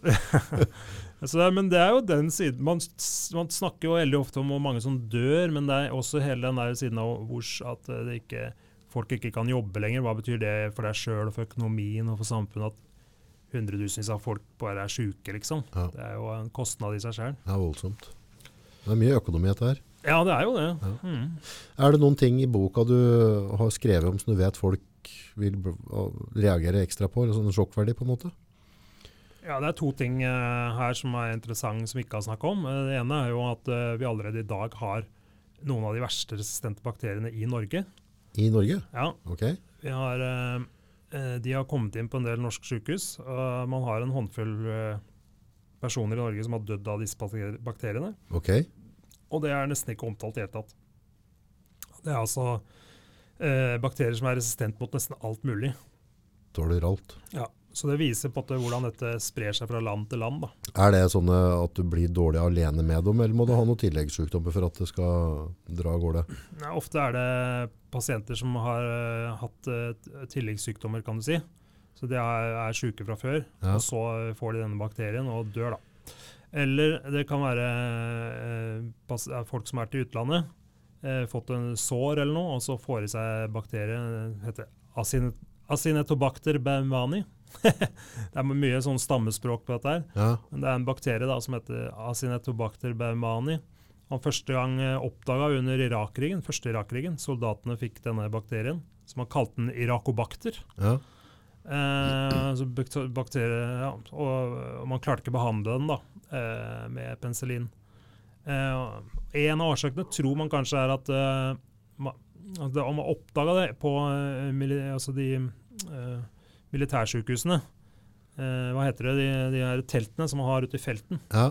Eh, at man brukte veldig mye antibiotika og penicillin på soldatene der. Ja. Eh, annen, dette er en, en, i utgangspunktet en jordbakterie da, eh, som folk har pusta inn eh, og blitt sjuke av eller fått i såret. No. Eh, og den har uh, utvikla veldig raskt resistens. Eh, og så har den bakterien spredt seg videre. Den er ganske utbredt i dag i Midtøsten, i Egypt, Syria, Irak. Men eh, også da kommet til USA, selvfølgelig, med, eh, med, ja, med soldatene som kom hjem. Eh, men også da ja, i Europa. Og folk i Norge som har plukka det opp i utlandet og kommet hjem med det. Mm. Så ja, det er jo skumle saker. Og det eksisterer i Norge? Ja, det gjør det. Rimelig heftig. Og så hadde du en ting til. Ja, det andre som er eh, interessant, er jo at det fins behandlingsformer for infeksjoner som ikke er så mye utprøvd. som ikke har noe med penicillin å gjøre? Som ikke er penicillin. Nå, nå begynner du å snakke. Dette er spennende. ja, det er, nå fikk jeg lys i tunnelen der. ja, det er noe lys i tunnelen. Eh, fordi at uh, det fins da snille virus uh, som heter uh, bakteriofager, som kan drepe bakterier. Så det er et evig kamp her ute ikke sant, i denne mikrobiologien mellom virus og bakterier og ulike bakterier og sånn. Og noen virus er altså gode virus som dreper farlige bakterier. Og de kan du bruke til å eh, behandle infeksjoner. da. Si at du har et uh, sår på armen. Mm. Åpent sår, ikke sant. Mm. Vil ikke gro. Da er det vist at hvis du sprøyter på disse her eh, bakteriofagene, så dreper de bakteriene, så blir du frisk igjen. Og dette har de prøvd. Eh, det her dreiv de med bl.a. på andre sida av jernteppet før eh, kalde krigen. Sovjetunionen og Georgia og sånn dreiv med dette, her, for de hadde ikke så mye antibiotika. De, det var jo en sånn eh, hemmelighet som vi holdt på med i Vesten. Så de brukte noe annet, som var bakteriofager. Det var ikke like effektivt, men det funka eh, ganske bra på en del infeksjoner. Og dette her kan man bruke til å redusere bruken av antibiotika. Gjorde ikke i gamle dager la på noen sånn larveting og sånn òg? Eller marker, eller Ja, det er nok en del sånne Hva heter det Som spiste opp bakteriene, eller, ja, altså, eller jeg vet ikke hva. Det kan godt være. Jeg vil ikke anbefale alle sånne folkeråd, hva heter det, skjæringråd, men dette her er mer enn skjæringråd. Altså for nå har man, ikke sant, så Jeg fortalte vel det at amerikanerne har jo slitt veldig mye med en bakterie som heter MRSA. Ja, Det er stemmer. multiresistent stafylokokk. Og det har de begynt, eh, og den er vanskelig å behandle med antibiotika. da. Og det har man begynt eh, å behandle med bakteriofager i eh, USA nå. Det er forskere som jobber med det, både i San Francisco, på, på østkysten og på vestkysten. Mhm. Og mange av de forskerne jeg snakka med og intervjua med, står intervjua til boka her, da. Og de forteller om dette her, og de har jo veldig gode resultater å vise til. Nå. Så det er jo kjempeinteressant, da. Jeg håper denne forskninga går fort fremover. Ja, at, de, at de får midler og at det Ja. er interesse. For det er jo noen som tjener penger på um, antibiotika nå. Men her er det jo utfordringer, da, for dette er jo levende virus. Vanskelig å patentere og sånt. Eh, mens eh, antibiotika kan du patentere, og selge, jo mer du selger, jo mer tjener du. Hvis du ikke kan patentere det, så er det vanskeligere å tjene penger. Da for da kan, da er det ikke så interessant å bruke penger Nei. sine på det. da kan konkurrenten din lage kopimedisin. Og, så det er vanskeligere å kommersialisere, rett og slett. da. Hvor mye tror du, eh, i forhold til den eh, retningen vi tar nå, da, hvor mye tror du kapitalismen, altså penga, har, eh, har i betydning, holdt jeg på å si? av- Penger er jo, lukter jo alltid vondt, men, men det er jo liksom på godt og vondt. Penger kan jo skape mye godt. Man må ha penger for, Mm. å, for å utvikle nye medisiner. Mm. Eh, så ja. Eh, ikke sant? Sånn som driveren nå, da. Vaksinen for korona ikke sant? Det går jo kjemperaskt fordi at det er penger i det. Ja. Og da er jo kapitalismen på sitt beste. Her er det aldri gått så raskt å utvikle vaksinene. Nei. Det kommer til å være ferdig innen utgangen av året. Tror du det? Ja. Oi. Men så vil det, det vil ta tid å få distribuert da, få opp produksjonen og sånn. Så vi har den jo kanskje ikke i Norge før om ett og et halvt år. Ikke sant?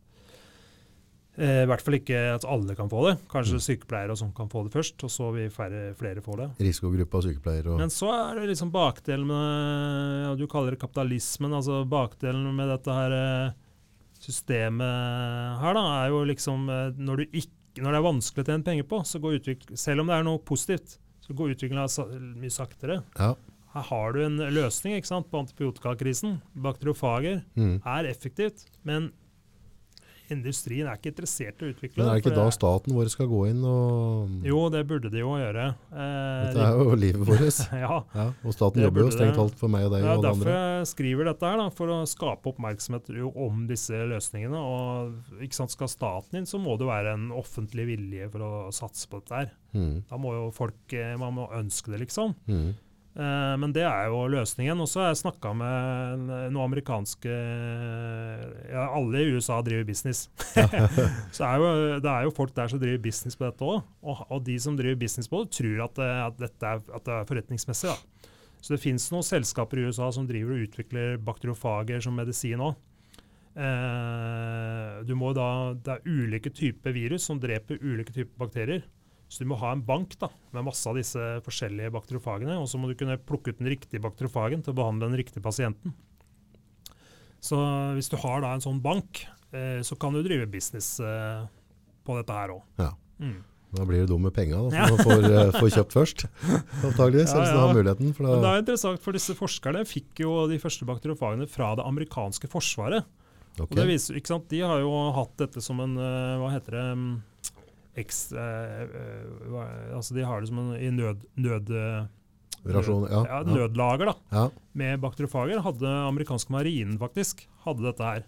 Mm. Så de hadde en samling med bakteriofager eh, som kunne behandle eh, ulike typer infeksjoner. da. Mm. Så, og En av disse historiene jeg forteller om i boka, er det en mann som kom hjem fra Egypt med denne bakterien som jeg fortalte om, Asinatobacter baumani. Og de, ingenting funka. Han ble bare sjukere og sjukere, lå i koma til slutt ikke sant, med blodforgiftning.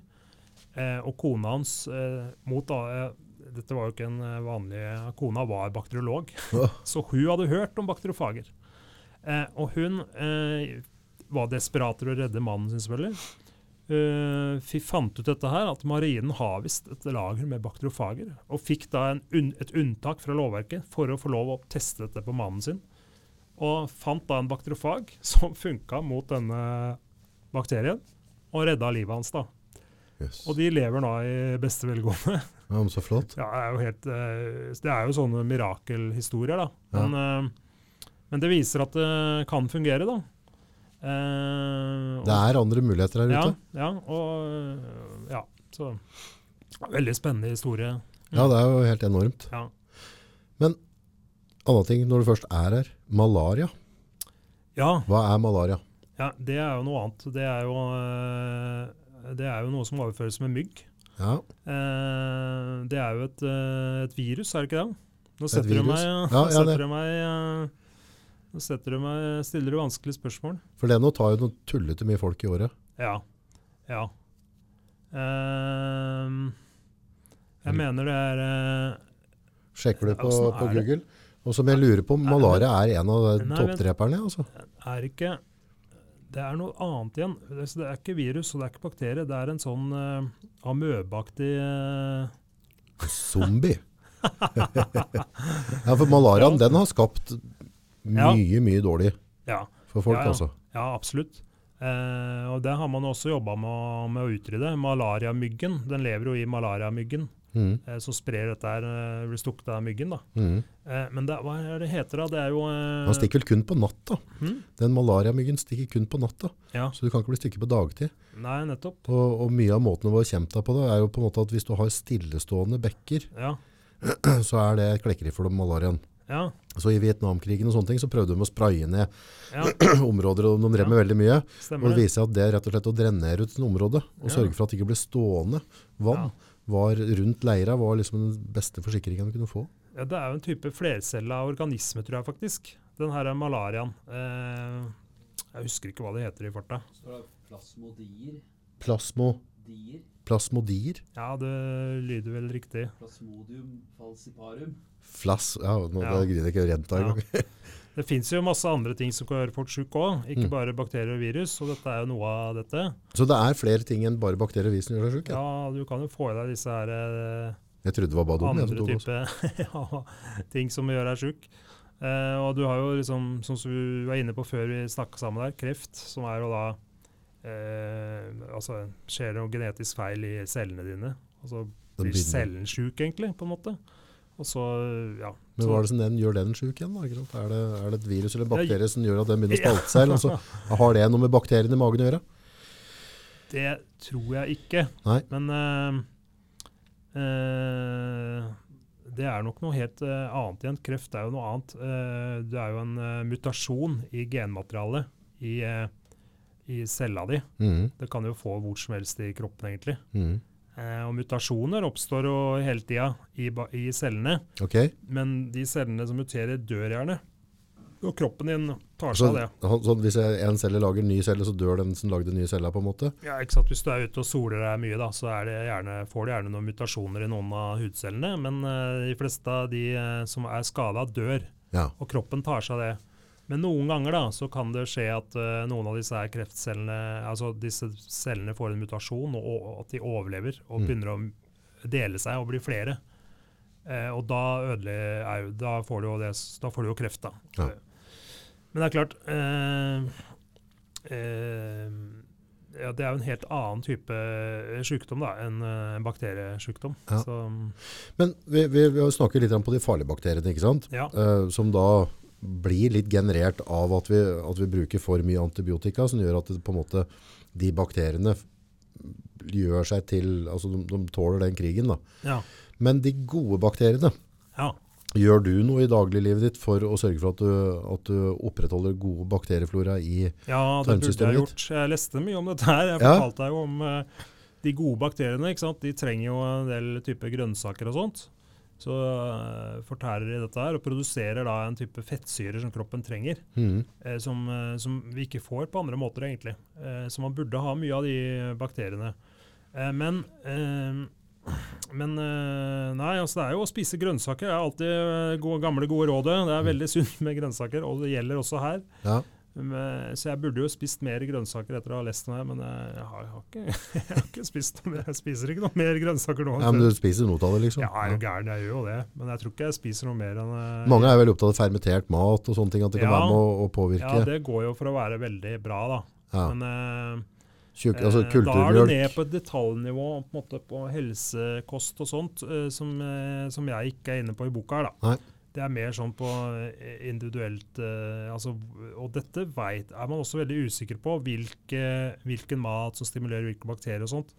Det er litt mer eh, hva heter det, ukjent lende, da. Ja, Det er liksom, bo, hele dette er veldig sånn forskningsfronten, da, som man kaller det. ja, Som er, er us, usikker kunnskap foreløpig. Man vet, eh, så man vet liksom grunnleggende sett at det er bra for helsa å ha en, eh, en art, ha mange bakterier i tarmen. Mange ulike bakterier i tarmen. Ja. Gå for, vet man at det er bra. Men så vet man mindre om hvilke bakterier som eh, er bra for hvilken del av helsa. Som, altså Spiser du det, vil det hjelpe de bakteriene? De sammenhengene der, da. Vi har rett og slett ikke forska nok på det. Nei, og det er vanskelig å finne ut av, ikke sant? For det er jo inni et ganske lokka system. Men sånn i, i ditt syn, da, hvis vi tar på en måte den klimakrisa som vi står foran nå, og så tar vi bakteriekrisa. Ja. Eh, du må velge.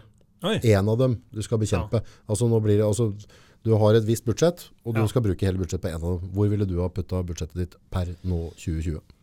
Altså, klimakrisa er jo det verste vi står overfor, mm. eh, sånn totalt sett. Eh, hvis man skal tro det forskerne sier, og jeg velger å tro på det, så er jo det sivilisasjonstruende. Mm. Men det er jo Så det er to helt ulike Det er jo bakterier nå. Hæ? Bakteriene kan jo være sivilisasjonstruende, og det kan gå fort. Ja, det er jo det. Eh, Og det er, det er et- umulig valg du gir meg. Ja, Eh, ikke sant? Pest Eh, eller kolera. det er to helt eh, fundamentale kriser begge to, men på ulike eh, fronter. Da. Eh, og jeg vil si at ja, altså verden klarte seg uten antibiotika. Det fantes eh, en sivilisasjon uten antibiotika. Jeg er mer usikker på hva som skjer hvis vi får en eh, global oppvarming på seks grader. Mm. Regnskogen brenner det, Mhm.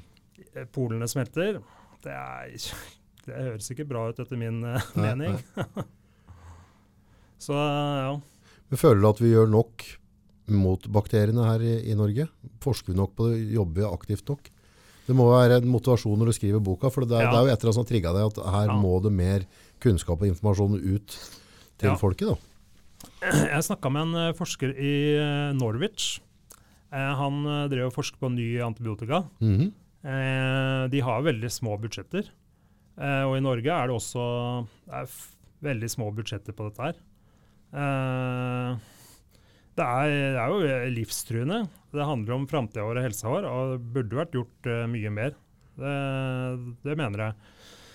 Eh, men jeg tenker altså mitt anliggende her, da, det jeg kan gjøre som journalist, er jo ikke, jeg er jo ikke ekspert. ikke sant? Jeg har jo satt meg inn i dette her ved å intervjue andre. Mhm. Eh, Så jeg er jo en generalist. Eh, Men det jeg kan gjøre, er å prøve å skape oppmerksomhet om problemet. da, Og, og prøve å videreformidle det jeg hører. Og jeg mener jo virkelig at det, det er jo alvorlig hvis man ikke, kan ut, hvis man ikke får nok midler til å utvikle nye antibiotika. At, man, at det må bli sånn som korona, at du må stå med krisen rett i trynet liksom, Før før, det det, før det blir handla. Mye, mye så du på Google, mye som hadde um, gått nå på, på 19, holdt jeg på å si. Verdensbasis. Verdensbasis, ja. 898 000 dødsfall. ja. Og på verdensbasis. Ja. 898 000. Uh, og så tar bakteriene Hva sju- sa, hva sa du nå? 898 000 mennesker har, har omkommet så langt av, av koronaen. Ja, riktig. Ja. Ja, mm. Og, og bakteriene tar 700 000. ja i år, ja. Ja. Mm, Og, og hvis vi ikke gjør noe med dette der, ja. så har det potensialet i 2050 å ta 10 millioner mennesker i året. Ja. ja. Det er jo det framskrivningene sier da. Ja.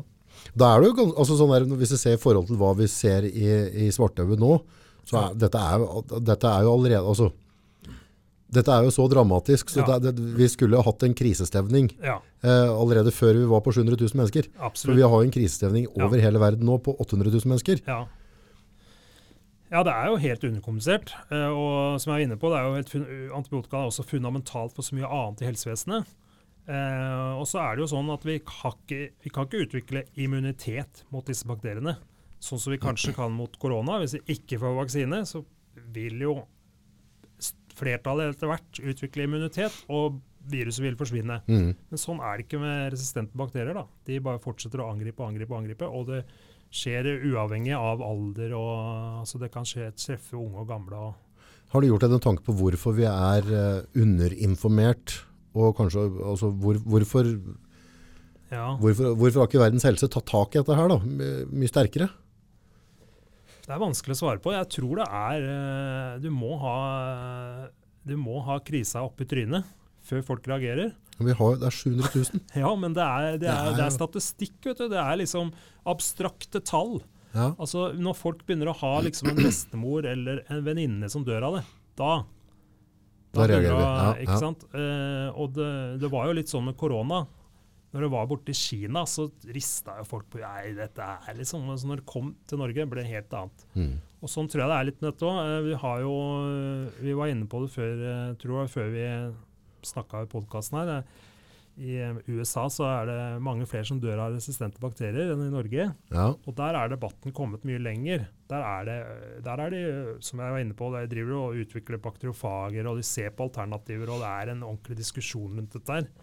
Så det er klart at når krisa kommer tettere på, så vil du kanskje få mer debatt og mer oppmerksomhet. Ja, så har det akkurat som det har blitt litt sånn eh, Sosialt akseptert på et eller annet vis med at eh, type, ok, du har en eldre slektning som ligger på sykehus, Ja. han ligger med en eller annen underforliggende sykdom, Mm. og så, og så, og så, og så dør han, og så får du beskjeden at ja, nei, altså han var veldig, veldig, veldig, veldig svekka immunforsvar, og så fikk han en bakterieinfeksjon Mm. som gjorde at det ble for mye. Ja. Og så blir det sånn, ok, men da godtar vi det. Ja. Men hadde vi fått, eh, nei, han fikk, eh, fikk korona, Ja. så han gikk bort, så hadde det vært sånn, ok, nå, nå, nå er det krise her, ikke sant? For du har 700 000 mennesker i året, nei, der, på verdensbasis. Så langt så er vi på 800 på den andre. Da er, dette er jo en krise, det er et faktum. Absolutt. Og jeg snakka om et annet, et annet intervju jeg gjorde, da, som veldig, gikk veldig inn på meg, var et eh, ektepar i Helsingborg Ja. som eh, holdt på å miste barnet sitt pga. MRSA. Ja. en bakterie som var resistent mot antibiotika. Eh, nyfødt barn, ikke sant. Og da begynner vi å snakke, begynner vi å miste ungene dine, liksom. Fy Så. Ja, det er jo veldig alvorlig. Og kom de ut av det, eller var det? Ja, så Han eh, overlevde faktisk. Det var et smitteutbrudd på en nyfødtavdeling. Eh, ett barn, et av de barna der døde, da. Eh, mm, ja, nå røper jeg innholdet i boka. Ja, men, ja, ja, ja. men eh, han overlever, han som er ja, for, altså foreldra til han, Barnet til de foreldra overlever, da. Men uh, dette er det jo flere eksempler på uh, fra mange land med, med denne type utbrudd da, på nyfødtavdelinger. Man hadde et utbrudd i Tromsø for noen år siden med MRSA på en nyfødtavdeling. Det heldigvis gikk bra, men uh, ja, for da, når de er nyfødte, så er det, det er for tidlig for vaksine og alt sammen, Ja. og, og Ja. immunforsvaret er ikke, er ikke der, vet du. det de har ingenting nesten, eller? Det går rett i blodet med en gang, nesten. Det er blodforgiftelse prater på blodforgifting. Altså, Ja. Emil i Lønberget, han Ja, skar ja. seg fingeren, og så blir blodforgifta. Ja. Hva er en blodforgiftning? Nei, eh, de legene og sånn eh, kan nesten ikke forklare det sjøl. Det, oh? ja, det kalles jo sepsis på fagspråket. Det, men det handler om at eh, det er egentlig kroppens immunforsvar som går bananas. Fordi at eh, du har så mye bakterier Bakteriene har angrepet kroppen din, eh, og du har kanskje har fått det i blodet òg. Og så begynner kroppen å skal forsvare seg. Og det kroppen gjør når den forsvarer seg, er at du får skrur opp temperaturen, eh, får masse produksjon av hvite blodlegemer. Og dette her er sånn som påvirker, også påvirker helsa di. Ja. Så når du får ikke sant, feber, føles eh, ekstrem feber, kan jo dø av. Mm. Eh, og så blodforgiftning er egentlig en sånn slags eh, kroppslig reaksjon. altså er en kombinasjon av at bakteriene begynner å formere seg, blir for mange av de, eh, og at kroppen slår tilbake. Til slutt så klarer ikke kroppen mer. Ja, for feberen er jo egentlig, hvis jeg får, er feberen er sånn øke kroppstemperaturen for å egentlig drepe bakteriene. Ja, ja, ja. Men hvis du har da noen tøffe bakterier, så går feberen opp, opp, opp, og klarer, altså bananas, som du sier. Ja, ja dette, dette må du snakke med legene om, altså. Men Mm. eh, det er, dette er jo et fortsatt eh, Også det, for litt sånn i forskningsfronten, det òg. Altså om man kan behandle, hvordan man skal behandle sepsis, og hvordan man skal styre Redde pasienten, da.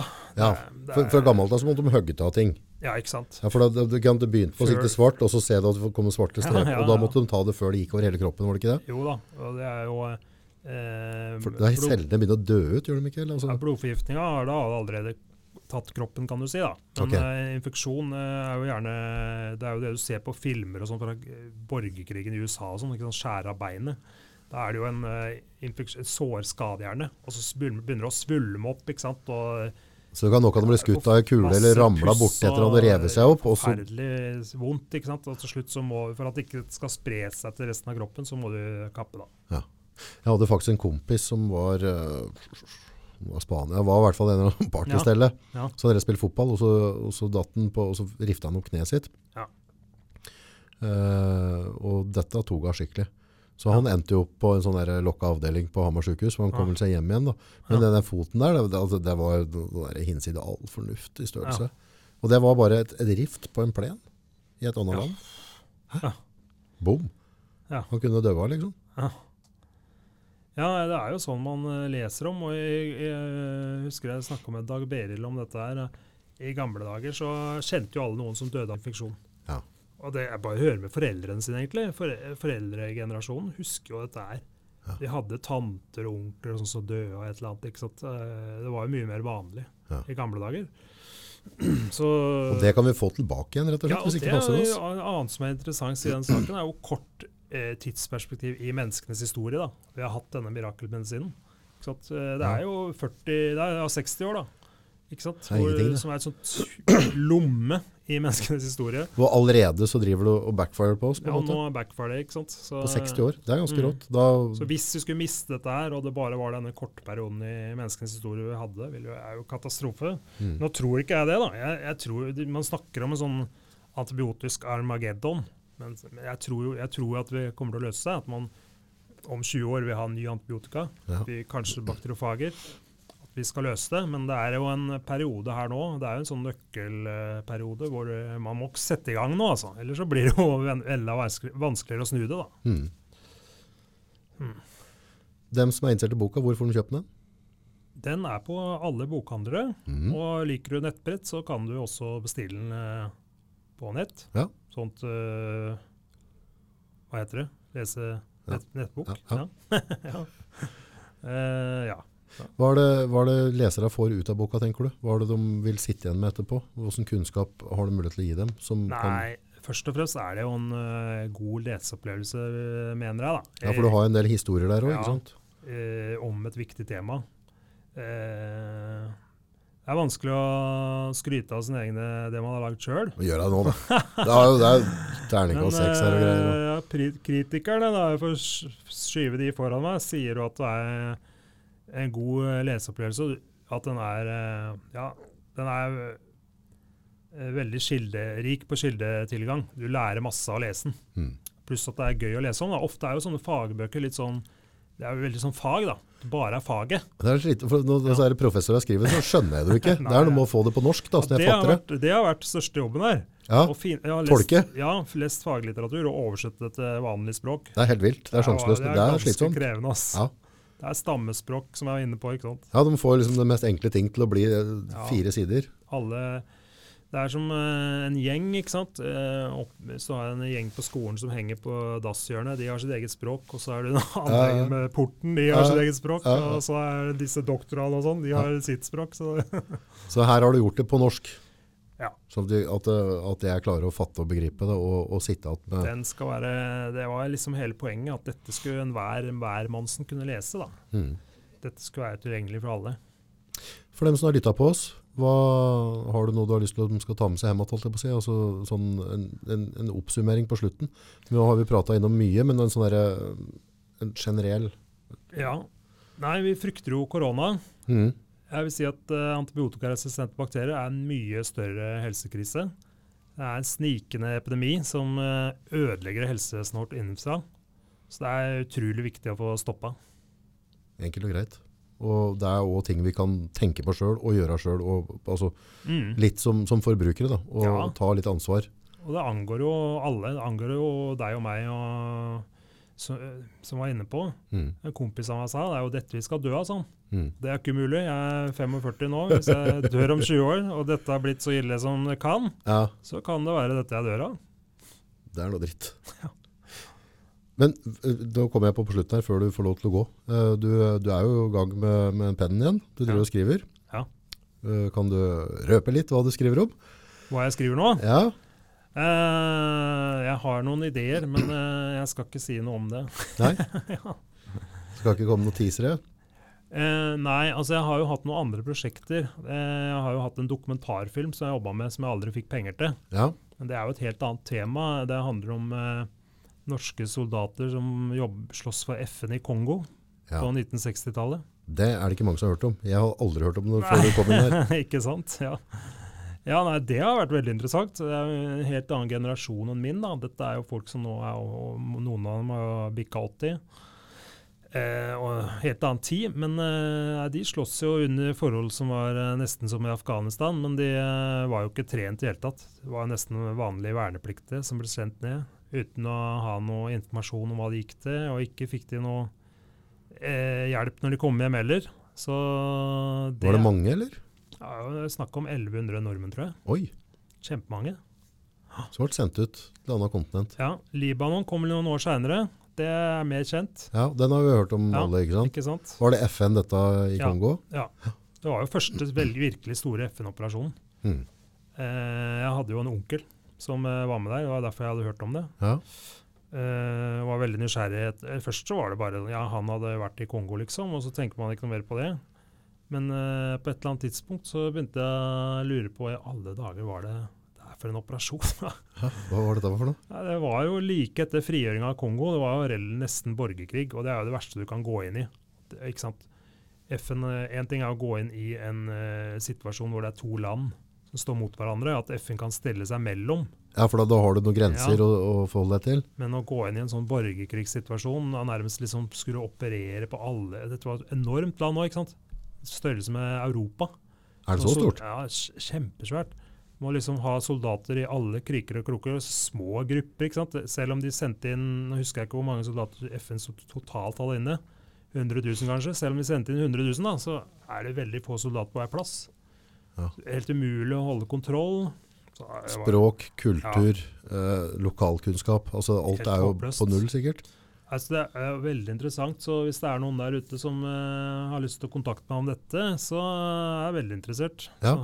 Ja, vi har jo en uh, dokk her som er eh, i sånn veteranforbund. Han har vært på Ja. mange utenlandsreiser. ja. Han er eh, på Bergenssida og jobber nå med noe, noe filmgreier. Men han har også sikkert mye kontakter rundt dette, som kanskje Ja, vet om. For det, for det er et, eh, et godt veteranmiljø i Norge Mm, som tar vare på er hverandre. Ja.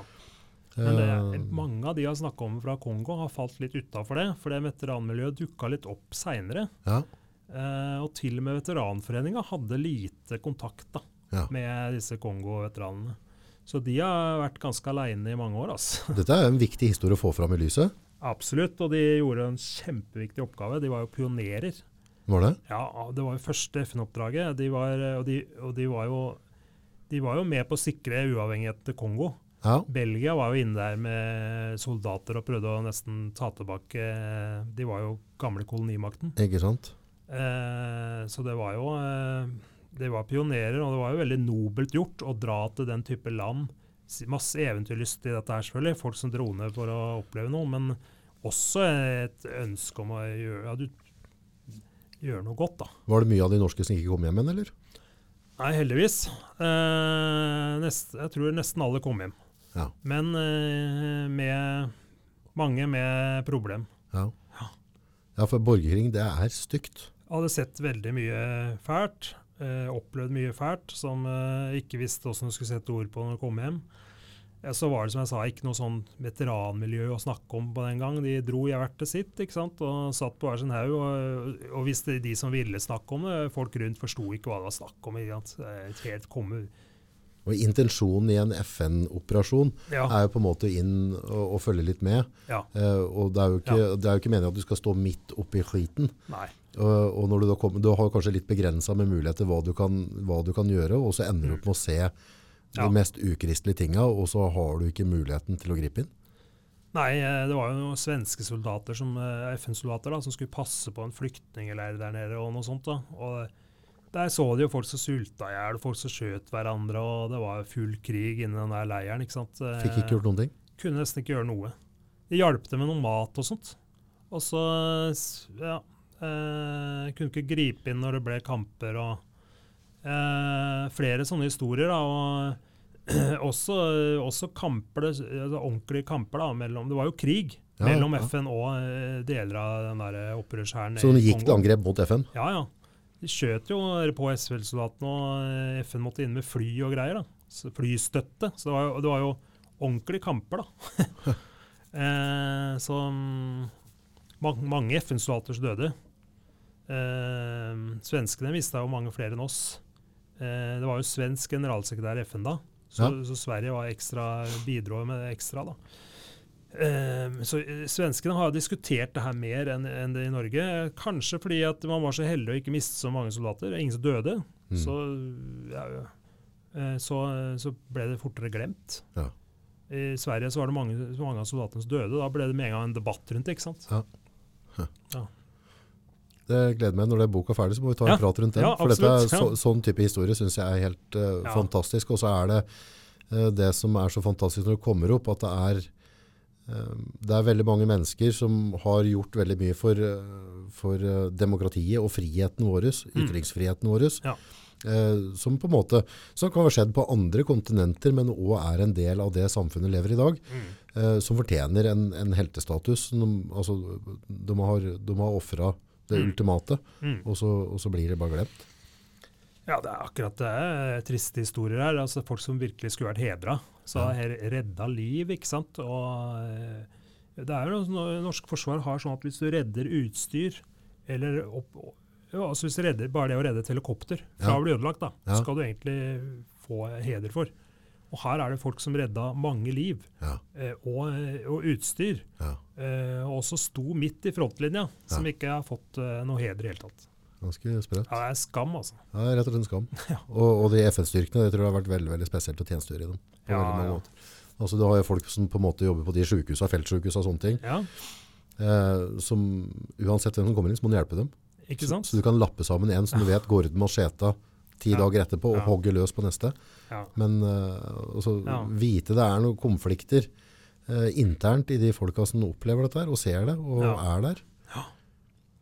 Ja, jeg har hørt mange, mange historier eh, fra det der, altså. Men uh, skulle gjerne hatt mulighet til å, til å lage den dokumentarfilmen, da. Så, eh, å få holdt fram disse heltene for det de er. Hvordan, er det mulig, hvordan, hvordan får han ikke penger til dokumentarfilm? Er det Nei, mulig? Fins ikke, vet du. Må du, må du, må du, må da, er det sånn alle av tolv rette? Alle rette? går til reality-TV nå. Altså de som Paradise? Er, ja, de, ja, de som er utdanna til å drive med dokumentarfilm, de ender opp å lage, jobbe i produksjonsselskap og lage reality-TV. Ja. For det er ikke noe Det å lage liksom eh, Hva heter det Independent dokumentarer, det er får du ikke penger til. Det er veldig vanskelig å få finansiert. Ja. Eh, og hvis du ikke har et navn, da, så er det jo umulig. Så prøv å få meg et navn her, altså. Så går det. Kanskje det Ja, altså, for det, den, den verdien altså, Vi lærer jo av historien. Ja. Forhåpentligvis. da, ikke sant? Ja. Alle ting som har skjedd tidligere. Det er veldig, altså, det er veldig viktig Ja. å dokumentere det. Ja. Og det at vi fortsatt har igjen soldater på norsk jord som har vært med der, og at vi da på en måte ikke får satt det på en filmrull Ja. og, og, og får skildringa deres, det er uh, trist. Det er jo en veldig viktig del av norsk historie. Eh, Det er jo nesten ikke skrevet bøker om i hele tatt, tror jeg. Og hvert det fins ingen filmer om det. Jeg gikk gjennom Filmavisens arkiv. Oi! Og heller ikke der. Det var veldig sånn korte, snodige innslag. Ja, ja, ja, her kommer de norske guttene hjem. De har hatt et trivelig opphold og blitt brune fine. Flagget folder seg vinden. Ja. ja. Det er jo, var på det nivået, liksom. At eh, her hadde de vært på ferie i Syden og kom brune hjem igjen.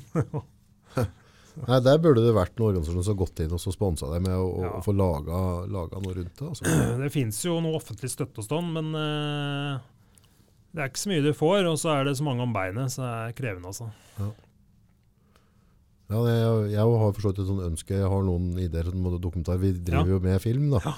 Men, eh, men jeg ser jo det på en måte at eh, du skal, du skal være likvid, da, for jeg kommer jo ikke til å tjene noen penger på det. Men det er jo et par sånne hjertebarn jeg kunne tenkt meg å lage. Ja. Men, eh, men jeg har ikke, har ikke, jeg har ikke orka å få folk meg til å prøve å søke helt, for jeg regner med at det er en prosess som Jeg hadde noen runder. eh, Søkte først eh, med mitt eget selskap. Jeg Ble nesten latterliggjort, eh, enkelte av de her institusjonene. og så fikk jeg endelig kontakt med et produksjonsselskap da, som var eh, interessert. Og da gikk vi noen runder med NRK og sånn. Ja. Men jeg kom ikke noe videre, altså. De skulle ha et sånn merkelig contest hvor du liksom skulle stå og skryte av prosjektet ditt og sånn, da. Ja, og det var ikke du så god på, eller? Nei, jeg syns det var vanskelig, da. Ja. Eh, ble liksom evaluert Det var sånn der scene Må du stå? Må du stå? Ja, ja. De hadde sånn Seriøst? Ja. Det, her, det er sånn de gjør det. vet du. De har eh, de har ti-tolv prosjekt. Det her skjedde i forbindelse med en sånn filmfestival. Så det skal være sånn eh, glamorøst. ikke sant? Så kommer liksom det ene selskapet inn. Ja, vårt prosjekt er fantastisk! Det handler om eh, Det er et intervju med eh, Et eller en eller annen kjendis og hans liv. ikke sant? Så kommer neste selskap inn, og hva skjedde egentlig bak eh, kulissene i eh, Paradise Hotel? Ja, en dokumentar om eh, de som var med der før. eh, livet før og etter Paradise. Hotel. Skikkelig sånn showbiz. Litt sånn showbiz, og så kommer du der, ikke sant, så- litt sånn nøktern journalist og liksom Ja, jeg har en dokumentar, jeg har en idé om eh, noe som skjedde på 60-tallet. Ferdig, ikke Ja, ikke sant? Så kasta rundt med noen sånne Ja, ja. hodeskaller. Denne skallen her kommer fra Kongo. Må lage Ja, litt ja, flosshatt på. ja. Steven Segal, vet du hvordan han fikk den første rolle? Nei, det vet jeg ikke. Nei, han, var, han var instruktør, sånn, gi ut sin for en av de store gubba i Hollywood, men uh, så ville han ha en rolle, og så spør han da før hva er det de ønsker å se, for han skal komme inn i audition. Mm. Så sa han at de vil, eh, de vil se blod, og de vil se vold. Så da kommer Seagal inn, så hadde han med seg en eller annen dude inn, så tar han en kniv, så skjærer han seg i hånda til det renner blod på, på gulvet, og så pryler han den andre fyren, og så, så går han. Ok. Og så fikk han rolla. Blod og vold. Så han hadde bare Ja, gått inn, og så hadde han ok. seg. Det rant liksom blod der, og så hadde han gitt den andre fyren stryk, og så gikk han. Alt for kunsten. ja, ja. Nei, så spørs om du skulle sprita den litt opp. Jeg måtte nok det. Ja. Ja, ja nei, men øh, kanskje jeg når ut noen folk nå. Jeg håper det. Ja. Ja, Ja. er det noen som, som uh, hører på der, så det er Ja. bra det. Så vil jeg minne på som på slutten at hvis noen syns innholdet er bra, så liker vi tomler opp og delinger. Ja. Og boka er å få tak i i bokhandler, Absolutt. og du Ja. kan gå på nett. Krigen mot bakteriene. Og da har du egentlig et komplett oppslagsverk som du får nok informasjon til at du kan ta dine egne avgjørelser og tanker rundt det, og ha holdninger. Ja. Det er viktig. Ja. Det er no kunnskap. Ja. Det er viktig. Kunnskap til folket. ja. Ikke bare underholdning, i hvert fall. Nei, Litt av begge deler. ja, men du må- du må finne den der blandinga. Ellers, Ja, er så sånn- blandinga er viktig. Ja, det der du skulle hatt vet du, den, der, den hodeskallen og greier på Ja, den scenen ja. der. Ja, men I boka er det en blanding facts og entertainment på Ja. en gang. ja, det er det du sa. Jeg kan skrive entertainment, det går det er verre, å stå Ja, og, og stå og fortelle. Ja, men det, ja, det hadde frøset sjøl hvis jeg hadde stått på en sånn scene der. Ja, ja. Det er noen som greier det, men det er ikke alltid de som lager de beste filmene. Det er jo et annet spørsmål. Så tenker jeg som, som dokumentarist, da, du skal lage en dokumentar, Ja, så, så tenker jeg liksom da, da skal, skal det bli ekte, skal det ikke ha noe, du skal ikke ha noe sjakle rundt deg. Da skal, da skal du få lov til å skildre det. Det er jo Som- mange regissører som liker å stå foran kamera sjøl. Mm. Det blir showet. Mm. Han som lager filmen. Se her, nå har jeg dratt til Kongo for å undersøke ditt Mm. og datt, ikke sant. Eh, Det kan funke, det, men ja. jeg liker å stå bak kameraet heller, da. Ja. Eh, Jeg har jo dokumentarutdanning òg, så jeg kan jo det. Å gjøre intervjuer, sånn som jeg gjør når jeg skriver bok. Ja. Vanskeligere å få oppmerksomhet om, da. Mm. Hm. Interessant. Gleder meg til neste bok. Jo, takk. Da skal vi stupe litt skikkelig og så håper jeg at det, at det er noen der ute som kanskje kjenner noen eller et eller annet, som kan tagge noen. Så hvis det er noen som har eh, noe informasjon eller ønsker å prate litt rundt det, så er du eh, åpen. Absolutt. Ja. Kjempemessig. Tusen, tusen takk for besøket. Setter veldig pris på det. Hjertelig takk for at jeg fikk komme. Mm. Sjøl takk.